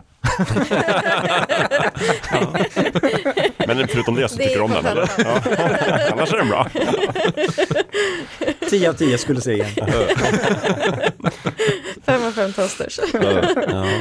Nej, Jag var så, framförallt när jag såg The Witcher så var jag framförallt så relativt ointresserad. Att vi, Mm. liksom, vi hade den på, vi sågs men vi tog ofta upp mobilerna Ja. och kollade och sen så liksom kom det här smygande. Jag bara så här, fast det är väl ändå, den är väl märkbart sämre än de två första Ja. säsongerna. Och sen Mm. när vi började kolla mer aktivt så bara, ja, den är faktiskt dålig. Gud, va- Varför gör de så här? Jag började typ gå och så här, vika tvätt Ja, och bara, jag ska hämta exakt. något till Ja. badrummet. Snabbspola. Det Ja. hände under det enda avsnitt jag såg. Ja. Jag, jag satt och kollade mobilen och kollade upp lite jobbgrejer och sen bara, nej, nej, kommer det är ingen mening att fortsätta med det här. Du gjorde det som vi inte kunde. Ja, du, stängde var stark. Ja. Men det är lite synd för att du hade haft det stora nöjet, missnöjet, om du hade tagit det hela vägen igenom, att se eventuellt den sämsta taken på eh, samma scener spelas upp och vi ska på något sätt förklara hur den här heisten gick till. Mm. Att, man blir, att de lurar tittaren. Och det var så otroligt dåligt gjort. För eh, säsong tre kommer så långt fram i händelserna i böckerna. Att det är den här stora balen i Aretusa. Där alla de viktiga nyckelspelarna i hela kontinenten dyker upp. Och det är liksom, om du minns Jeekstra från The Witcher Mm, 3, mm, han som är scheme och håller på. Alla är ju där med sina egna agendor. Eh, och eh, Geralt och Jennifer dyker upp och liksom har sin plan. Mm. Mm. Och så sen så spelas det först upp Gud ja. och man tänker att det går åt helvete men sen så spelas samma scener upp tre gånger till Ja. och man bara fy Gud, Och de ska göra den där, du vet, så här gick Oceans Eleven heisten till. Ja. Det, det löser sig för att egentligen så var den den och. Jag, jag brukar inte vara ett fan av det upplägget. Eh, men det är så när, när man, dåligt när man, när man vet slut, slutmålet Ja. och så ska man se det från olika perspektiv. Det måste vara väldigt välgjort för att jag Ja. ska uppskatta det och då, då låter det inte som Nej, att inte För grejen är att det resulterar heller inte i så här, aha, de, eh, all along så Mm. hade de en masterplan. För att då kommer de till slutet och de, vi har sett samma scener 40 gånger. Men så det resulterar ändå i någonting som de absolut inte hade behövt Mm. eh, liksom vilseleda. Man känner sig vilseledd helt onödan Mm. när avsnittet är klart. Mm. Man bara, men vad fan, det där hade ni bara kunnat göra rakt upp och ner. Mm. Nu blev det bara krångligt för att vara krångligt liksom. Mm. Mm. Ja, verkligen. Mm. Ja, den var ingen... Mm. Just det, vad sa du? En, en tågurspårning i slow motion? Ja. Ja. Så du beskrev den. Ja. Inte så mycket slow motion eller? Nej. Snabb tågurspårning. Det är det alltid. Normal, normal hastighet. Just det. Nej men eh, en, en serie, man kan inte leva på gamla säsonger. Man kan Nej. alltid bli Nej. dålig i tredje Mm. säsongen. Men jag tycker alltså- det är må- många serier som har blivit så. En, en säsong som jag tycker, eller liksom en serie som har gjort, som du också hade kollat på. Loki. Loki, ja. Spännande. Säsong två är vi framme. Säsong, ja, halvvägs in i säsong två, eller? Just det. Jo, Ja, då, jo, fyra avsnitt tror jag Mm, definitivt. Den har du jag har fortfarande ju som vanligt inte börjat. Nej, Nej.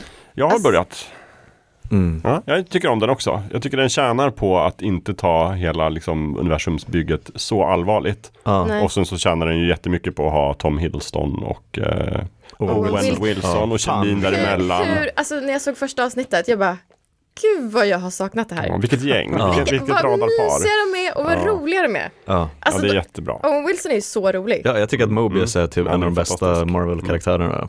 Sant. Otrolig. Och sen uh, Ki Hu Wang. Ja, ja, ja. Alltså så här, som, om- det räcker inte riktigt med Tom och Owen. Vi behöver någon mer. Vem ska vi ta in som får folk att ställa sig upp i soffan och applådera? Ja, men alltså, Ja, vi tar in Short Round. Han är, Ja, han är fantastisk. Fantastisk. Ja, jättekul. Det är så roligt att han är i rampljuset igen. Ja, Låter som men- en skärm-overload. ja, men det är det. alltså Alltså första jag blev så direkt, glad. Mm. Pang på, Ja. så sitter man där och smilar. Ja, och sen fattar ju inte jag plotten överhuvudtaget. Alltså vadå tidslinjer? Ja, men det och skiter säger man också Vad alla är de? Hur länge Ja. det här? Jag bryr mig inte och det spelar ingen roll. Det är jättetrevligt. Mm. Sen älskar jag ju hela konceptet med liksom, alltså som jag har sett i Lost och i Severance. Allt det här med liksom konstiga företag Ja. som har en konstig byråkrati. Älskar Mm. sånt. Älskar det. Det är så roligt. Mm. Ja, verkligen. Och gammal konstig och- teknik som det, Mm. det är liksom bra. Men också, men du hade sett alla fyra avsnitt. Ja. Men inte du. Nej, ja, ett det som kom nu senast har jag Ja. inte hunnit se. Säg inte mer. Nej, gör inte det. Spoiler Men eh, det känns som att de liksom, de är inte så eh, trogna till att saker och ting måste hända i en viss, eller de liksom flippar saker och ting ibland. Mm. De bara, ha, då gör vi så här istället. Man bara, "Äh, vad hände? Men det är ju en väldigt, um, vad ska jag säga, alltså för första säsongen av Loki var ju också väldigt så karaktärsdriven och det var inte så viktigt egentligen vad som hände. Men det var ju också i ett stadie när den här nya fasen och Mm. Mm. serierna kom att det var viktigt för typ filmerna. Mm. Nu är vi i en helt annat värld när det gäller Marvel Ja. och MCU. Nu är man ju blanka fan i vad som händer Mm. i säsong två av Loki. Man är ju där för dem kemin Mm. mellan Mm. Owen och Tom. Um, Ja visst, och sen är det ju uppenbart på ett sätt att den här Kang är liksom Ja. central i vad de nu bygger fram till den här sagan, Mm. eh, multiverse saga och så. Han har dykt upp i andra filmer och hela tiden. Så det är uppenbart att det är centralt för plotten. Men det är inte, det är inte därför man trycker på play. Eller hur? Nej. Sen måste jag säga, jag vet inte om det är så här eh, politiskt inkorrekt, att jag, är- jag är faktiskt så glad över att de inte har cancelat honom, För du tycker han är bra? Kang. Kan, Alltså, ja, ja, just det. Mm. Ja, lite kon- kontext till lyssnare. Jonathan Majors var ju en eh, domestic assault eh, mål, Ja. liksom. eh, anklagad av sin flickvän at the time att han misshandlade henne. Eh, så allting, han blev dumpad av sin agency och alltihopa. Och han skulle ju då vara den nya typ Thanos. Ja. Så, eh, men eh, nu verkar det ju som att Disney har valt att köra på.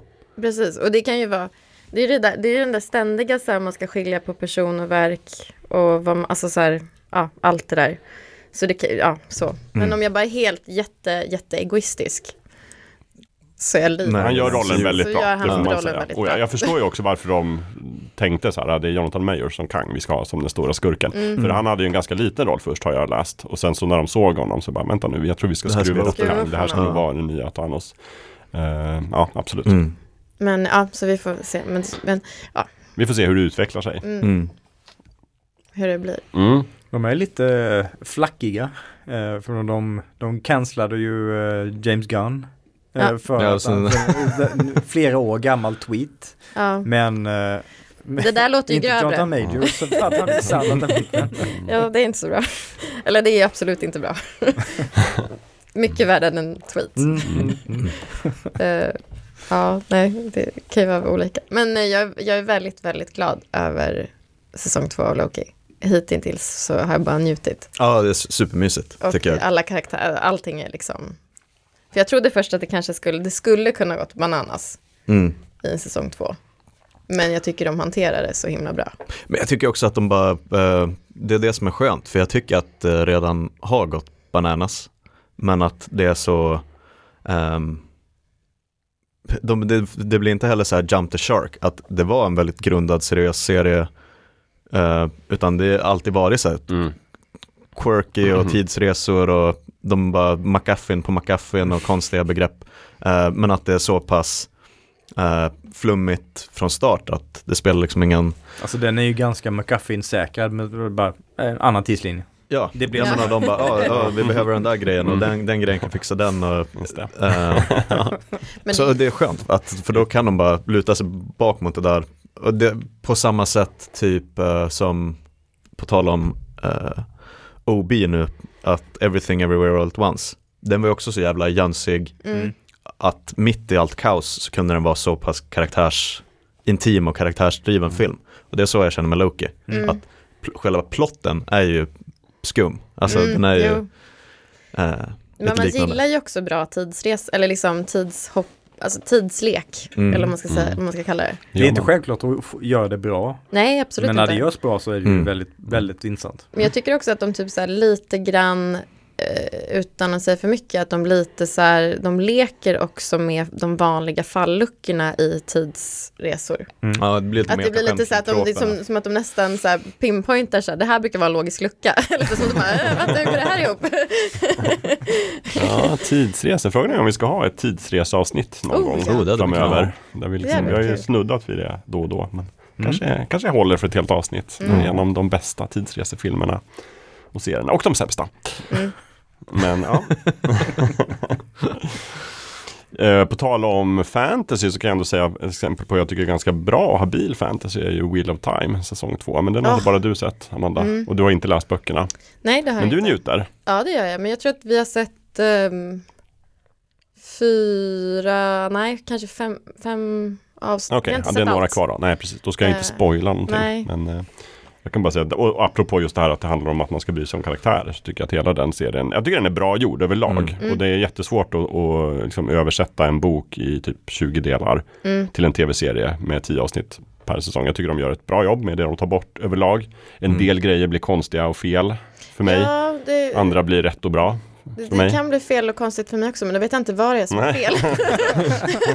Men däremot tycker jag att det är uppenbart så här när man vet att det bygger på en bok så, och det märks, precis som i Game of Thrones, det märks så här, okej men det märks att ni har en plott som ni utgår ifrån. Mm. men jag vet att allting ni gör i serien leder till någonting, ja. vilket inte alltid är sant i Mm. andra serier jag skulle kunna nämna. Men sen jag tycker framförallt att den, den bygger, jag älskar ju att Rosamund Pike är med, det är hon som, Mm. som lyfter serien. Jag tycker Fares Fares också är jättebra. Jag tänkte precis säga också Faris Ja, Faris. Så att de två personerna har en, i, i, i en ganska annars liksom platt, eh, a.k.a. alltså huvudroll, den här Young adult. Randall eh, Tor. Men han är också så här, karaktären i boken är ju platt och tråkig. Ja, Och det de har som castat den som är exakt så platt och tråkig som i boken. Och verkligen lyckats med den. dum. Och lite liksom, dum ja, och lite så. sådär. Ja. Mm. Och sen, fast samtidigt, jag vet ju vart karaktären ska ta vägen. Så jag kan ju säga, okej, inte där finns det något att bygga på. Ja. Men, men tack och lov att de har en del karaktärer med karisma också. Ja, Och jag förstår, de har ju utökat Rosamund Pikes roll ganska mycket. Ja, utan att det. spoila. Och det tycker jag var väldigt bra. Ja, hon är ju jättebra. Men om någon hade sagt till dig Jakob för typ tio år sedan att du kommer få en filmatisering av Wheel of Time på Amazon Prime, sjukt påkostad hundratals miljoner dollar och Alexander Karim och Fares Fares Ja. kommer att spela mot varandra. Då hade jag vet inte vad jag hade Impressive. sagt. Men alltså, den här har ju varit på gång i åratal. Jag, jag har ju Mm. känt till produktionen hur länge som helst. Ja. Jag är bara lite fascinerad att den blev gjord. Men jag skulle säga så här, Amazon, ta pengarna som ni lägger på Maktens ringar och lägg på den här serien istället. Ja. Jag är inte sugen på nästa säsong av Maktens ringar. Jag Men var de det bara få... jag som tyckte, jag tyckte inte eh, omkastningen av Matt, Ja, den om Ja, de har bytt skådis. Ja. Ja. jag tyckte inte den var bra. Nej, jag tyckte tycker- inte den gamla var bra. Nej, okej. Jag tycker, den den nya är här, bättre? jag tycker den här är marginellt bättre. Marginellt, Ja. ja.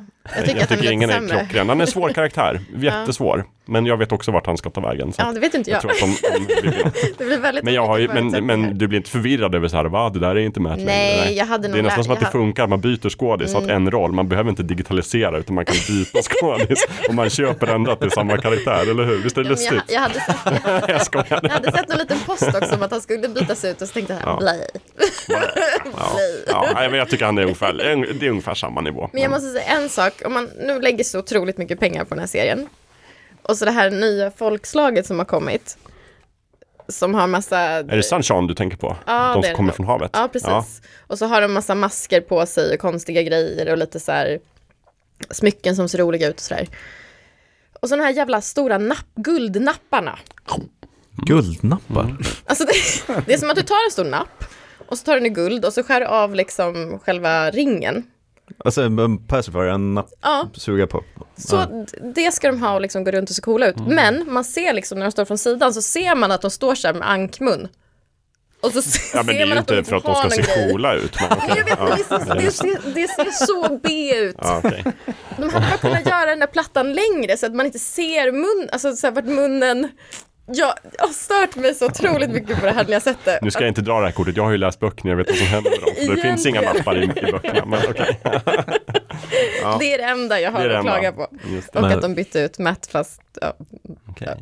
Jag har ju sett sista avsnittet av säsong två. Har du gjort det? Ja. Men har du sett de andra avsnitten? Nej, Alltså så jag väntade typiskt till- Gustav Högberg. Jag hoppade rakt Ja, in. men för jag såg och så bara, fan okej, säsong två börjar komma. För jag såg ju lite motvilligt första säsongen. Mm. Tyckte att den överlag var väldigt pajig, Mm. men att Rosamund Pike var fantastisk. Mm. Eh, så då när säsong två kom så var jag så här, ah, ah, vet du vad jag gör? Uh, gå till sista avsnittet Mm. och så sen så kollar jag, bakåt. nej men att jag sätter den på du vet så här, upp tidslinjen och så sen så spolar jag 2x framåt. Och så försöker jag bara se vad som händer i Jaha. avsnittet på de här små miniatyr thumbnailsen. Okej. Och så sen så pausade jag när jag såg att det var ungefär 10 minuter kvar och så såg jag sista scenerna. Okej. Vilket Och så lustigt tänkte sätt jag- att Vilket hålla lustigt på. sätt Och så tänkte jag- Och vilket sätt att inte få ut det bästa som den här serien. För jag tyckte ändå att, alltså nu ska jag inte förstöra, men jag tyckte Mm. slutet på säsong två var lite blekt jämfört med, med Ah. slutet i boken Ja. på samma ställe. Jag tyckte att så här, Okej. hade ni, här gjorde ni vissa tv-förändringar Mhm. som inte matchade med vad jag hade Mm, Mm. Tänkt. fattar. Nej, ja jag vet inte. Men jag, då kände jag att ja, det här var en lite underlig macheteordning att titta på säsong två. no really. Det var det Time, men jag tror jag fick ut, Det mesta av det. jag fick ut det mesta. Ja, Så den är väldigt, den är väldigt, väldigt långt bak i min backlog nu. Mm. Att Ja. faktiskt se skiten. Ja. Jag Jag, är jag fel är osäker på om jag hade sett den om jag inte hade läst böckerna. Ja. Men jag eh, tycker om den. Mm. Mm. Jag tycker om den utan att ha läst Mm, böckerna. du ser, då finns det. Så det finns ändå alla. lite. Hoppas bara den får göra tio säsonger så de får klart den. Ja, vi kanske drar ner det till Mm. 20. Ja, eh, är det någon annan som har något särskilt de vill lyfta upp? Jag skulle vilja prata om uh, Kills of the Flower Moon. Ja, berätta, berätta. Utan att, helst utan att spoila. Ja, Jag har en tre och en halv timmes min, diskussion om filmen. Jag har den så högt på mitt att se-lista men jag har inte sett den än. Men du har sett Lövet och du har sett Gustav. Har sett. Och du vill se Amanda. Jag vill och jag varken vill eller har sett den. Nej, Nej jag skojar, jag vill se den. jag bara, Jakob. Jag vill se, jag vill se. Men den är Eh. typ tre och en halv timme. Ja. Ja. Och 3.26 eh, jag skulle säga att jag hade så här på, på förhand, för jag tyckte med Irishman, väldigt bra. Men det fanns delar under filmen som där jag kände att mm, det här kanske skulle kunna tajtas till lite. Eh, Ja. Det går lite långsamt just nu. Jag trodde att det skulle vara samma sak med den här. Mm. Men den enda anledningen till att jag tittade på klockan var för att jag skulle veta när kan jag börja dricka ko- biokolan. Utan att behöva gå på toaletten.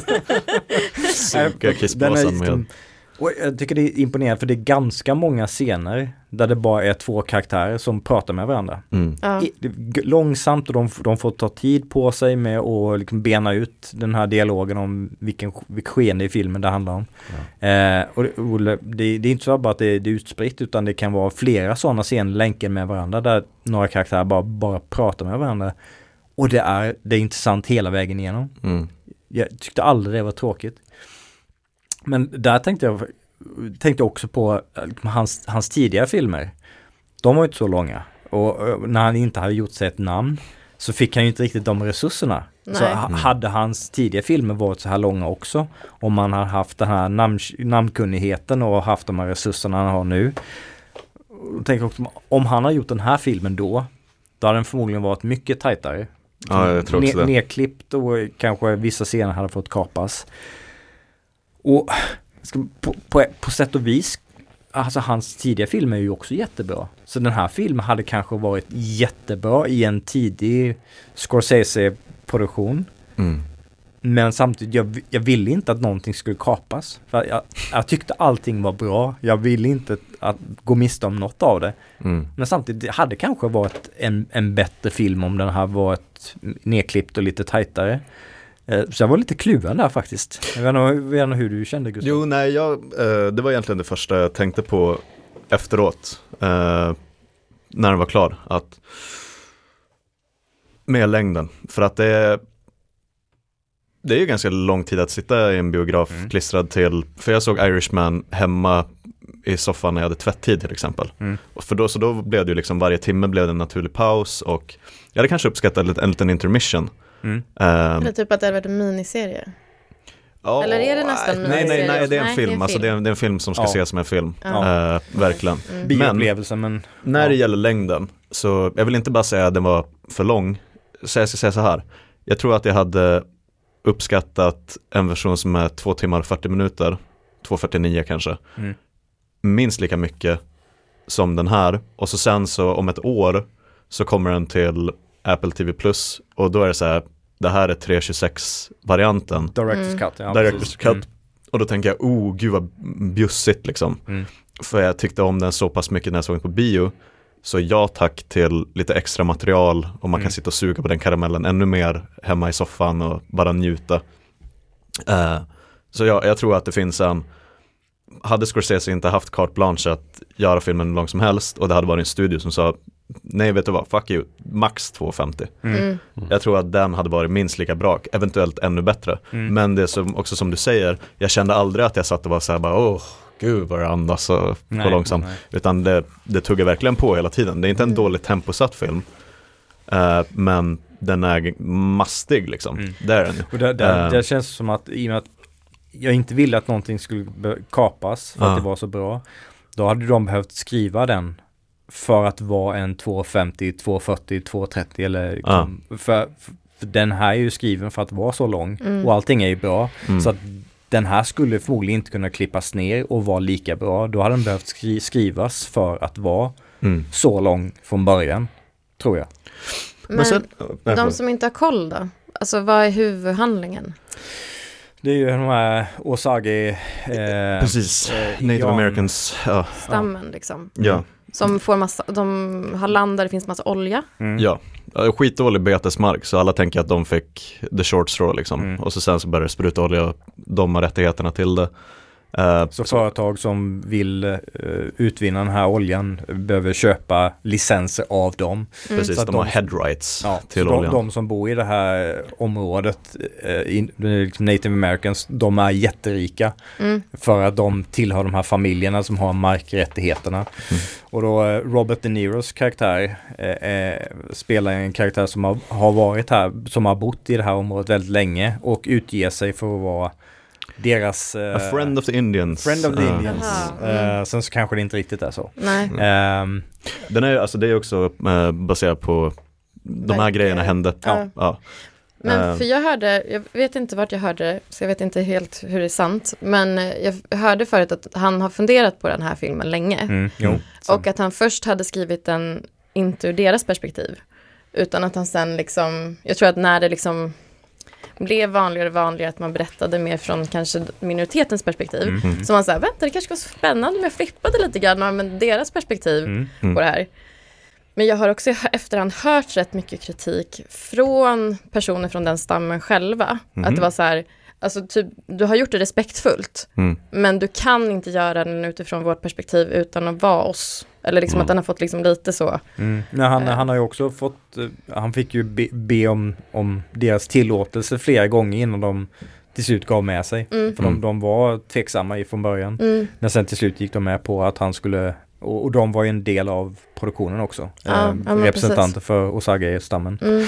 Men jag tycker att den görs väldigt, alltså för att sympatin ligger ju hela tiden hos dem, Ja. hos uh, Osage-folket. Och, eh, så det är en jobbig på, på så sätt att, eh, eller det som är väldigt Scorsese, att protagonisten behöver inte vara det behöver inte vara bra folk liksom. Nej. Utan Nej. det, och för den delen så är inte, fine, maffiabröder romantiserar ju på sätt och vis. Och så sen så är det någon sorts sensmoral i slutet att Mm.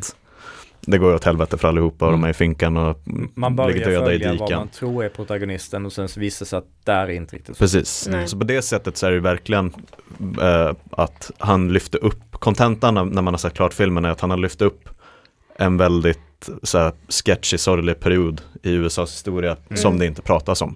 Eh, för att på så många sätt och att backdropen är ju så här trail of tears och att eh, de har blivit tvångsplacerade i Oklahoma Mm. från Kansas, Arkansas och Missouri. Eh, och att lite så här eh, gift and a curse, att de blir tvångsflyttade dit. Sen Mm. visar det sig att det finns olja. Mm. De blir skitrika, liksom så här per capita så är de den rikaste liksom minoriteten i hela USA. Mm. Eh, men att då blir de, faller de också offer för massa, du vet, ormar i, gäddor i vassen och Ja. så som ska verkligen utnyttja då den här nyfunna rikedomen. Eh, jag tycker att det här är De Niros bästa film sen hit. Jag tycker att han är fantastisk. Eh, Ja, det är jättebra. jag tycker att Och han, han har inte toppen. haft de, de bästa 20 år, skulle jag säga. Nej, nej, nej, ja, det är Dirty Grandpa och Meet the Fuckers liksom, men, Meet the Parents. Eh, men det här tycker jag verkligen är hans bästa, Mm. Eh, hans bästa rollprestation sen hit. Och sen Eh, hon eh, Lily Gladstone som spelar en av eh, Osage eh, huvudkaraktärerna. Precis. Hon är också jättebra. Hon är nog Mm. nästan den stora liksom, come award season, då vill jag att hon ska vara med i Mm. Antingen ändå- kvinnlig huvudroll eller biroll, Mm. beroende på hur de Mm. sätter upp det liksom. Eh, jag tycker att Leo också är väldigt bra, Mm. men han gör ingenting heller liksom extraordinärt tycker jag. Han är bara väldigt, han är ju en skitbra skådis. Han har tagit sitt, är- The Wolf of Wall Street underbett. ja, eh, till den här. Mm. Det, det är bara Scorsese som får det. Men, men det, är, ju- det är ju så många jättebra skådespelare som bara dyker in och gör liksom 5-10 minuters insats. ja, ja. Och mot slutet så introduceras skådespelare man bara oh, där är, där är han, där är hon. Så bara, oh, det var, ja, nu var det slut. Okej. Gissa vem som dyker upp mot slutet i typ 10 minuter. Oh, det är någon som jag gillar. Brendan Fraser. Yes. är det sant? jag ska se den. Jag trodde det var därför du ville se den. Jag visste faktiskt inte det. Jag blev överraskad hur, hur sent in i film han introduceras. Ja. Ja, jag också. Jag visste ju det på Um, förhand. Har han cowboyhatt på sig? Oj, bra fråga. Nej. Nej, Nej. han spelar ju inte en sån karaktär. Mm. Nej. Men eh, för, jag skulle säga att eventuellt om det är någon där ute som eh, du vet, med Sandra Bullock, för jag vet att folk kan ha den med typ Tom Cruise eller Leonardo DiCaprio. Att jag gillar inte Tom så här, bara, Cruise. ah, jag blir inte så intresserad av Killers Mm. of the Flower Moon för att det är tre och en halv timme med Leonardo DiCaprio liksom. Jag tyckte inte om The Revenant, jag tyckte inte om, men där eh, Wolf of Wall Street verkligen är en Leonardo DiCaprio show Mm. I Scorsese så här, Mm. skruvad skrud så är ju han Leonardo DiCaprios karaktär även om det liksom är mycket hans point of view Mm. och att han är någon typ av huvudroll så är det ju inte hans det är inte hans film Nej, Nej. eh, alls utan det är mycket mer en ensemble och lite så här nu kommer jag låta bajsnödig, men det känns väldigt mycket som ett så här amerikanskt epos på det Mm. sättet. Mm. Eh, och eh, staden, massa karaktärer runt och det är lite mer att han är bara där när Mm. liksom historiens Det vingslag. börjar ju Mm. mer från hans perspektiv. Ja. Men sen liksom, de sista två tredjedelarna så är ju han mer en, en bikaraktär Ja, en som följer med och precis. driver handlingen Ja. framåt. Men han är ju inte i fokus. Nej. Nej. Så det, det, det, är väl, det är väl mer fokus än i The Departed exempelvis. Men Mm. han är ju inte huvudkaraktären egentligen. Mm. Jag skulle säga att det är väldigt mycket, för Scorsese tycker jag är duktig på det, att ta typ i Maffiabröder, när, hur ska man säga så här, att han kopplar loss från karaktären, oavsett om det är Ray Liotta eller vem karaktären är, kopplar loss och så blir det lite mer den här eh, montage-collage-grejen Mm. med lite musik och man ser dem liksom panorera från att de är i Mm. fängelse till att någon blir skjuten, till att de rånar lite pälsar, till att något annat händer. Ehm, det gör han väldigt bra i den här filmen. Men han är också i något mellanläge där fortfarande är en massa dialog och liksom scener som får andas men det, för den delen behöver det inte finnas en Leonardo DiCaprio i bild eller en Robert De Niro utan det kan Mm. vara två helt andra karaktärer. Sen kommer det något lite mera så här, Terrence Malick-aktigt, Mm. är det på riktigt eller är det dröm Mm. och eh, ja. Så det är en otroligt kompetent film. Jag tyckte om den jättemycket. Mm, jag också. Eh, Om ni får ge fem av någonting, alltså fem av, hitta på en sol eller vad ni vill. Fem, fem biostolar och fem möjliga. skulle Ja, precis. Biostolar kan vi ta. Och det, är också, det är ju roligt, det, det märks ju som du var inne på att, att eh, han har funderat på den här filmen länge, att den, är- Mm. den är viktig för honom. Han, Mm. För han har ju ett, ett Stan Lee moment i, eh, i filmen mm. som jag tyckte, tyckte om väldigt mycket. Ja, det är nog min favoritdel av Mm. nästan av filmen. Ja, Eh, Okej. då, då, då, då låg jag från örat till Mm. öra när, när den scenen kom upp. Ja, Mm. Nej, men det Det- tyckte det var jag var väldigt snyggt. fint. Det, det där känner jag verkligen att det där skulle inte alla regissörer göra liksom. Nej. Mm. Eh, känns väldigt kompetent. Och att han gör det i just den här filmen visar ju lite hur viktigt det är för honom. Mm. Just det. Men Gustav, du då? Oh. Jag tror att en, en två timmar och 40 minuter version hade jag kunnat ge 5 av 5. Mm. Nu blir det nog en 4. En stark Alltså en fyra. stark 4. Det är en Stark väldigt, fyra. väldigt bra eh, film. Mm. Mm. Eh, det är inte min favorit från honom, men det är en väldigt, väldigt, väldigt bra film. Mm. Eh, lite på samma sätt som att jag tyckte att Oppenheimer, otroligt kompetent, jättebra film. Inte min favorit från Nolan och det här är Mm. inte min favorit från Scorsese. Men eh, ja, det, alltså, den är toppen. Välspelad, otroligt vackert filmad. Mm. Eh, Kul. så också lite, det är nog hans, eh, vad ska man säga, ruskiga våldsinslagen Mm. i den här filmen är så, vilket han har gjort förut och varit duktig på, men alltså det är så osentimentalt. Mm. Eh, så jag tycker att de var, vissa scener var väldigt läskiga och nästan att det vände sig lite i magen Mm. för att det är gjort så, Och det är inte bara... alltså det är som att någon Men bara, är det lite som 12 years a slave? Alltså, eh, nej den är lite Nej. mera så Gore. gorig och Ja. lite så här vältras i det. Det jag tycker att gör det här så jävla obehagligt är att det är som att någon bara stänger en lucka liksom. Mm. Alltså, Ah, så- okej. alltså att det är Mm. verkligen den där uh, osentimentala, så, så där slapphänt kan det gå till när Mm. någon blir skjuten liksom. Att det, är inte- verkligen det är det. inte bara vad de Ja, visar det- heller, utan Nej, det det är är det de inte- dialogen ja. och den Mm. här eh, liksom, hänsynslösheten som finns Det är i så här hur de ser skrupelfriheten. på de här människorna. mm, Det- som typ inte riktigt människor. Nej, men det blir lite mer så som de är resurser, Ja. eh, strategiska möjligheter. De, de kallar dem för blankets liksom och det är Mm. verkligen, ehm, ja. Nej, ja, det är verkligen, det finns en scen som är så Vidrigt. obehaglig. Liksom. Och det går så snabbt så den blir nästan obehaglig i efterhand. Mm. För man bara, oj vänta, hände det där precis?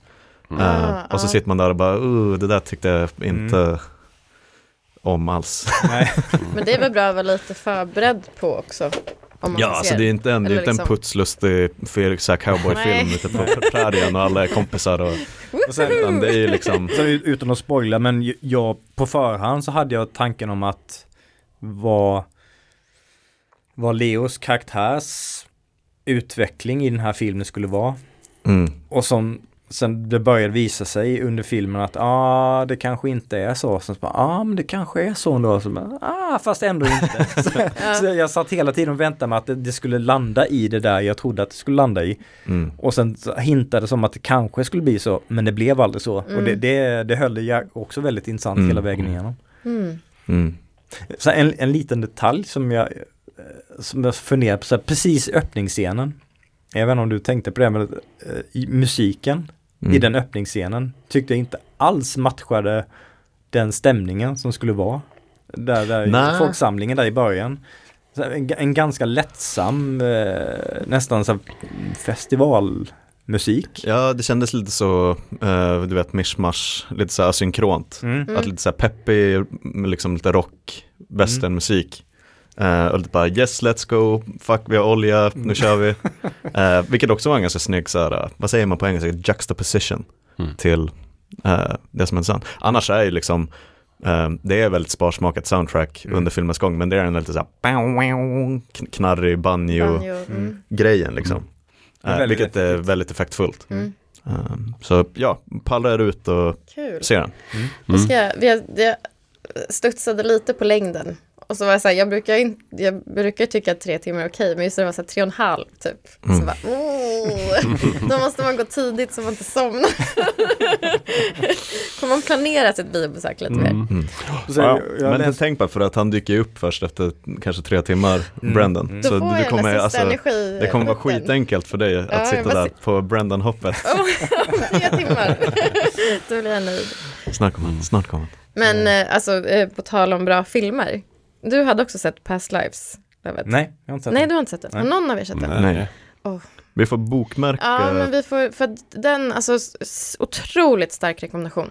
mm. En av de finaste filmerna jag sett. Oj. Och det var så här, vissa av dialogerna stannade så att jag liksom låg och tänkte på dem på natten. Och var så här, det var så otroligt poetiskt och fint och hjärtkrossande och liksom så här, eh, helt magiskt. Mm. Men premissen eh, för oss som har glömt. Ehm, ja men precis, det är ju två, det är väl liksom väldigt mycket drama eh, och lite så uppdelat, ehm, ehm, nu kommer jag inte ihåg vad huvudpersonen heter, men hon liksom, hon börjar i, mm, nej det är nog inte Singapore, Mm, det är Sydkorea, Mm. Sydkorea tror jag det är. Ehm, och sen så ska hennes familj eh, emigrera till USA. Mm. Eh, och så hade hon liksom en kompis där som de hade ett jättestarkt band. Eh, Nutid. Nej, dåtid då. Då, ja. Eller ja, det, det slutar med typ nutid. Ja, okej. ja. Eh, och sen så skiljs de åt och sen av olika händelser så får de liksom kontakt igen och sen så är det hur de på olika sätt möter varandra i livet. Mm. Och hur de liksom, deras band till varandra och hur eh, de refererar till, eh, om det heter Jung, eller Ji- att man liksom, vissa människor är typ menade för varandra, eller att man har, att man tror på typ flera liv, att man har sett sig tidigare liv och att det gör att man typ träffas i nuvarande liv och att man liksom dras till varandra på olika sätt. Eh, och så anspelar det rätt mycket på, på det. Eh, och jag tror att det är det som liksom hela titeln kommer ifrån också, Mm. mm. Past Mm. Att man har som att eh, historien liksom har gnuggat den mot varandra på olika sätt. Eh, väldigt, väldigt finstämd, jätte, jättefin dialog. Väl, äh, jättefin, Mm. verkligen. Så den rekommenderar jag starkt. Men då får jag vänta med att prata om den mer. Ja, men det Det hade vi varit svinkul ifall vi, eh, men eh, var kommer den att dyka upp, vet du det? Nej, så länge den för du såg den på bio. på bio. Ja. Jag tror att den fortfarande går på bio.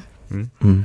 Ehm, ja, det gör den. Mm. Så jag vet inte vad den Nej, kommer jag vet dyka inte upp. heller. Men ja, det är båda de här filmerna som vi har Biopasset. pratat om nu är jag väldigt sugen på att se. Mm. Du har, om man har biopasset så är Ja, det halva jag har priset. biopasset. Jag kan gå och se den för halva, halva priset. Jag behöver bara hitta tiden. Ja.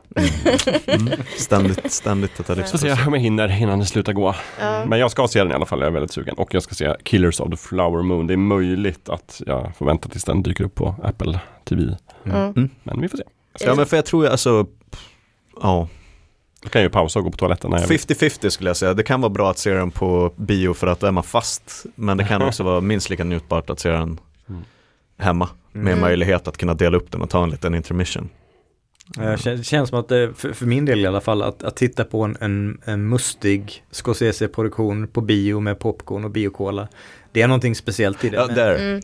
Jag tror Det- att det, det kanske krävs, för mig med koncentrationsspann, så tror jag att det kanske krävs en biosalong för att jag ska sitta still i typ en halvtimme.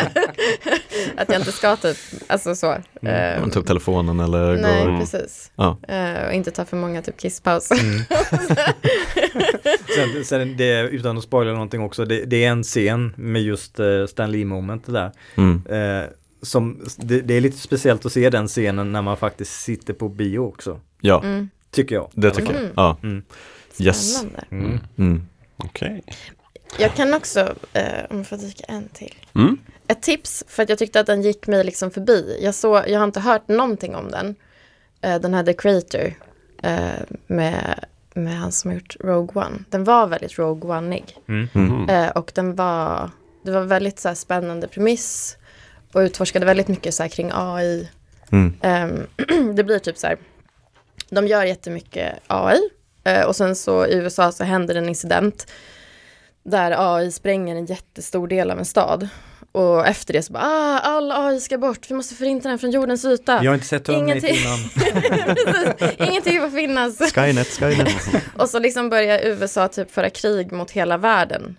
Fast, fast inte mot olika nationer utan mot alla AI i olika världar. Och så kommer jag inte ihåg om det är Japan. Kommer inte ihåg. Det är något land som forts, fortsätter liksom. Eh, asiatiskt land som fortsätter med AI. Och då liksom bara typ nästan njukar de dem. Alltså så här, det, verkligen de går jättehårt åt. Och sen så är det liksom lite så här dilemmat, så här, är AI egentligen farliga? Var det egentligen människor som gjorde att det hände? Alltså så här, Mm, mm. vad är ett liv? Vad är ett medvetande? Vad ska vi tillåta och inte tillåta? Så här, ehm, men väldigt, eh, ja, jag tyckte ändå, den hade absolut vissa logiska luckor och vissa saker när man var så här, vänta nu, vänta hur funkar det här? det här blir ologiskt. men, eh, men jag tyckte det var jättespännande, liksom världsbyggande. Mm. Mm. Eh, och väldigt cool. Eh, Den har ju varit omtalad för att det är en, en stor sci-fi produktion som har producerats för en relativt liten prislapp. Alltså märks inte alls. 100 miljoner dollar är ju ingen liten prislapp men för, för en sån här produktion så är det en, en ganska snäv budget ändå. Mm. Mm. Och att han har gjort en jäkligt snygg film med Jätte, en relativt liten budget. Alltså Mm. jättesnygg. Mm, Eh, det- var nog det, hela världen var otroligt fin. Mm. Och alla specialeffekter var liksom, jag bara köpte det rakt av. Mhm. Det var ingenting som gjorde att jag kände så här, mm, det där var lite janky. Mm, nej. Framförallt, han är otrolig på att jobba med skala. Alltså i Rogue One, ingen bit av Star Wars har ju fått en sån Star Destroyer att man verkligen förstår hur stora de här jävlarna är, Mm. nej. Som i den filmen. Ehm, Han så- jobbar med liknande element också. Det är Ja. liksom, ja, Lite såhär, Denis. Villeneuve är också jätteduktig på att, såhär, att man fattar skalan, det är såhär gigantiska strukturer och Mm. så jag kan tänka mig att den är verkligen ögongodis Mm. från start till slut. Såg den också Kanske på Bio Capitol. Ah, Mhm. det, Passade väldigt bra. Extra det var liksom Mm. extra mysigt. Det, känns väl kanske som en biofilm som man borde se på bio. absolut. Mm. Och eh, ja, inte ett öga torrt. Mm. Men det känns som att det var, ehm, om man tänker tillbaka lite, när det kom väldigt mycket sci-fi som inte var kopplat till en franchise, alltså när vi fick typ Oblivion med eh, Tom Cruise och även om det var en otrolig skitfilm, men After Earth med Jaden Smith, alltså att det var liksom ett par år när det bara kom en massa sådana Originella. originella idéer. sci-fi. Mhm. Eh, så nu är det dels en creator men också den här som inte fick bra betyg alls med Adam Driver. Eh, Earth 65. 65. 65, ja, 65 heter den bara Ja. tror jag. Ja. Mm. Just det. Dinosaurie sci-fi. Jag gillar ju konceptet, Mm. sen kanske inte filmen Nej, var så jätteintressant men det, det är kul att nu, originella IPs faktiskt Mm. får chansen nu. ja. Men också så här, också när sci-fi, i det här fallet så var det ju storslagen sci-fi, alltså verkligen, och Mm. mycket stora världar och jättestora liksom, så. Ehm, men det finns ju typ, det finns ju också något som heter typ Moon, Mm. som är en väldigt liten, alltså det är ett väldigt litet berättande, ändå i sci-fi-genren. Mm. Mm. Jag tycker också det är så härligt när man kan få sådana berättelser, att det inte måste vara det här, så här totalt Mm. episka. Jag med. Det är Ja. favorit. Det är Det känns lite mer som en Asimov-novell liksom. Ja, exakt. Mm, Boop. Gillar det. fint. Ja, okej. Massor av bra filmtips ramlade in här till Ja, mig. kör, kör, kör, Hur ska jag hinna gå till bio på alla de här? Det kommer inte gå. Jag kommer faila. Men okej. Jag skriver upp dem på listan. Eh, är det någon som, annan, någon som vill lyfta upp något mer innan vi börjar runda av? Jag har en grej till jag skulle vilja Ja, tipsa en om. pittis också. Vill du köra först? Min pittis är lite Ja. mer en hook till nästa Okej, men gång då- vi ses. Då kör jag nu. På Ja. tal om eh, soundtrack. Mm. Som är, och, och, och sådär. Jag skulle vilja tipsa om en podd. Som jag har lyssnat på, som jag har tänkt så här flera avsnitt nu i frukost. Jag tänker, vad ska jag tipsa om fan, den där podden? Och så har jag alltid glömt. Men nu har jag lyssnat liksom alla avsnitt, så nu är jag redo att tipsa om The Soundtrack Show, heter den. Som är en väldigt välproducerad amerikansk podd som handlar om bara soundtrack och hur de har tänkt och gjort musiken och sådär. Eh, och den är mm, bra. Yes. Japp, det var det. ja, nej, men den görs Har du något favoritavsnitt? den, den görs av en kille som heter David V. Collins och han, är, han har jobbat på typ Lucas Arts väldigt länge. Han är typ någon sån här sound engineer. Så att han har varit inblandad i jag vet inte, massor av olika filmer och jättemånga Star Wars-projekt. Som så här, typ ljudtekniker, gjort lite röstroller. Han är mycket ofta så här, typ Stormtrooper 3 är han. Och sådär. Men han har koll. Och han har varit jättemycket spel också, Star Wars-spel. Och sådär. Eh, så att, och, eh, egentligen är det bara han som sitter och berättar om. Och det är kanske ett avsnitt kanske handlar om eh, ja, Tillbaka till framtiden. Mm. Och då berättar han lite om historien och lite grann om så här Också om hur att han är, det märks han är musikaliskt skolad så att han har liksom också så här, han spelar på piano ibland och liksom, nu gör de det här Ah. temat, lyssna här vad som händer. det, det, det, Ah, åh, vad kul. jättemycket och han pratar om, eh, jag tror, han brukar ofta köra en film, tre avsnitt. Så att det kan vara tre avsnitt om Sagan om ringen till exempel. Mm. Och sen är det tre avsnitt om Tillbaka till framtiden och, och ibland är det specialavsnitt. Väldigt njutbar. Gud vad mysigt Väldigt det där lät. intressant. Jag tror den skulle tilltala både er som är Ja. intresserade av hantverket och alla som lyssnar också. Mm. Så det är en bra tips. Finns, på, finns där poddar finns. Kul. Mm. Okej, jag ska bara lite snabbt nämna, eh, jag ger lite hemläxa inför Mm. nästa avsnitt redan nu. Eh, nu till veckan, efter att vi spelar in där, så ska jag gå till Biokapitol igen för att se The Killer. Det är kul att både The Killers of the Flower Moon och... eh, så det här är alltså David Finchers nya film med Michael Fassbender i huvudrollen. Oj, det var länge Det sedan är ju man en såg eh, honom va? kombination som inte... Ja, som folk har bett om i flera, Mm, mm. flera år. Eh, och trailern är, jag vet inte om det finns någon som är bättre på trailers än Fincher. Mm. Ehm, du vet, Social Network och eh, Girl with the Dragon Tattoo, de är alltid toppen. Mm. Och den här trailern gör också verkligen att man säger yes, det ser ut som en Fincher-film, yes, det är Fassbender, japp, det är Tilda Swinton. Och, ehm, också baserat på seriealbum. Le Samurai, franskt tror jag. Men den kom upp till Netflix. Samtidigt är det en sån, Det står eh, Netflix 10 november. då blir det svinenkel för att hinna se Ja, den. verkligen. Ja, verkligen. Ehm, Men det är väl den här klassiska, Netflix har köpt den men det, de har ju förstått också att det är bra om vi kör den två veckor På på, bio, bio, först. ja. Ehm, ja, Ja. Så- ser väldigt fin ut. ehm, passa på för att den ser ut att vara en högkvalitativ Fincher-film. Mm. Och lite tillbaka till, vad fan ska man säga, vanliga Fincher.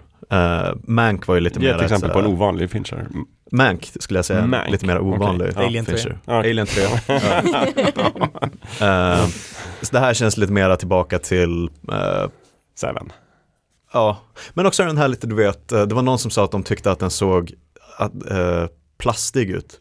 Och jag skulle säga att ehm, Fincher har ju verkligen, han älskar ju att ha eh, filma digitalt och ha en kamera som svävar runt Mm. fritt från skådisarna. Eh, både i Panic Room och i eh, alla hans nya filmer. Och han har ju hittat någon så här visuell stil tillsammans med eh, Atticus Ross och Trent Reznor soundtracket som känns ganska plastigt är fel ord, men det känns polerat på något Mm. sätt. Ehm, som man har haft sen Girl with the Dragon Tattoo. Så den här ser väldigt mycket så ut. Ehm, ja, nej, det, fan, det ska bli jättespännande att se ifall den är Är det, nu har jag bildgooglat. Mm. Eh, Stämmer det att det är liksom en serietidning från början? Ja, Ja. stämmer. Fransk. Fransk serietidning om en lite så uh, landmördare. Klassisk Fincher, det är ju inte fe- helt fel alltså. Nej, nej. Det kan ju bli jäkligt bra. Det Ja. ska jag absolut kolla Mm. på. Det här, jag tror att i efterhand så kommer vi vara så här bara 2023. Året där vi fick en toppenfilm från Nolan, en toppenfilm från Scorsese, en toppenfilm från David Fincher. Bapp, bapp, bapp, bapp. Att Mm. man inser att det var väldigt många av de vet, då verkande tyngsta regissörerna som släppte väl mottagna Men är det inte lite sjukt att det kan vara ett, eller det kommer ju säkert bli att 2024 blir skittråkigt. Men att, men att, det kan vara, att det kan vara, nej men alltså med tanke på alla liksom strejker och sånt, Ja. att det är ett så otroligt pangår filmmässigt. Mm. Eh, när Även tv-seriemässigt och kommer det påverka tv-seriemässigt ju. liksom. Men det blir eh, väl skönt. Då kan vi gå igenom, då hinner jag- då hinner jag ju se alla de här filmerna som ni har pratat om nu. Då får de ju gå upp på bio igen också. Är inte Dune 2 förresten förlagd till 2024? nu? Mars. Den Ja. kommer ju, Ja. så den har du Då har jag i alla fall. Ja, Men ja, jag förstår. De, de har ju också bränt mycket nu av back, det de hade i arkivet. Precis, hinner man så spela mycket- igenom Final Fantasy 7 Rebirth. Ja, ja det, alltså jag kommer ha att göra 2024. Det, är inga problem. Inga Ett problem. år bara spela det om och om igen. Det makes no sense, men det vore skönt om de tog en, vi tar en paus 2024. Vi kommer Ja. bara visa gamla klassiker på bio. Det är ju också ett vinnande koncept. Verkligen, Ja. jag tror det kommer bli toppen. Vilket år. Ja, vilket år. Det bästa bioåret någonsin. Som golden hits. Okej, jag ska bara tipsa. Imorgon börjar The Gilded Age, säsong Oh. två. Mm. Japp, dags för det. Så det kommer Yes. jag och Gustav sitta och bänka oss för. Ja. Mm. Eh, och om 18 dagar börjar The Crown. Oh, är det sant? Mm, Sista mycket bra trailer ute Sista på, säsongen? Mm. på YouTube. Mm. Bra trailer. Oj, Mm. oj, oj. Den går verkligen Den ska jag smak. kolla på. Mm. Mm. Yes. The final season Mm. står det. Boom. Men det blir lite skönt. Ja, ja Alltså att få det- absolut. att få ja, det jo, det, vore, det vore helt sjukt om de fortsatte in i framtiden och spekulerade. Då kan, eh, då kan ju hon, eh, Meghan Markle, spela sig själv. Ja, exakt. Ja. Det kan bli som med sen blir det liksom Next Generation så blir deras barn och vad de gör är liksom en det kan bli tidsresa. som med fredag den 13 del 4, the final chapter. Så Ja. bara, nej förresten, Nej, vi Nej, fortsätter. Vi bara, vi bara skojar. Mm. Okej, på tal om gamla grejer, jag tar sista. Ja. Så på tisdag får vi också den sista Beatles-låten kommer de släppa. Ja, just det, Now jag and hörde om then. det. Right. Ja, jag vet inte. Alltså, Du Ja, är men det- beredd att jag- bli förbannad nej, nej, nej. Jag, jag tycker det är klart man ska släppa eh, gammal skåpmat som man har kvar liggande och sådär. Det som är fantastiskt, dels är det det är här. någon AI-grej va? Eh, ja, alltså så här. Jag såg trailern och då Mm. har man ju liksom Paul McCartney och Ringo Starr säger att oh, det är så fantastiskt och det är sista gången vi verkligen har fått jobba ihop och sådär. Men det är inte sant. Nej. alltså det här är ju en demo som John Lennon gjorde typ 1977 Mm. eller något sånt där. Som, som Yoko Ono gav till dem på 90-talet när de skulle göra den här Beatles Anthology-serien. Då fick hon tre demos och sen så gjorde de ju två av dem och spelade, la till Mm. och spelade och då släppte de den här Free as Bird och Real Love. Och då tyckte de att den här låten, det är, bara, det, det är för dålig ljudkvalitet. Man hör ju, det är bara John Lennon som Ah. sitter typ i badrummet och spelar med sitt piano. Liksom, det går inte att, vi kan inte göra någonting med den här. Nej. Fast de gjorde, la ju till sina delar. Mm. Men sen så tänkte de i framtiden kanske vi kan hitta teknik som kan isolera John Lennons Oh. röst och lyfta upp den. Och sen spolar vi fram till 2023 och Peter Jackson har gjort sin eh, Get back. Get Back-dokumentär där de lärde sig hur man kände igen John Lennons röst jättebra och lyfter upp den. Så nu har de ju kunnat liksom frilägga den. Ja.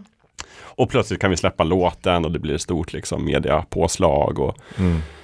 Jag vet inte, jag tycker bara att eh, kanske presentationen är lite överdriven. Men det är klart, det är kul med en ny låt så, Mm. även om de, de, de har jobbat på den allihopa, men i tur och ordning. Det är inte, liksom, ja, det. inte liksom, de har inte alls varit i samma rum. nej. Så, det är som att jag om tio år, när vi har lagt ner den här podden, sitter i min källare och spelar in ett. Det här magiska och pratar lite löst om några grejer och sen så dör jag och sen så plockar ni upp det och pratar till och kommenterar det jag säger. Det är ungefär så det går till.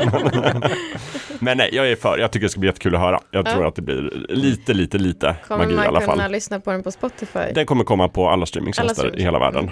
Och naturligtvis släpps den i åtta olika versioner också på Oj. vinyl och på Vinyl, kassettband och på CD. Allt finns ju Mm. nu för tiden.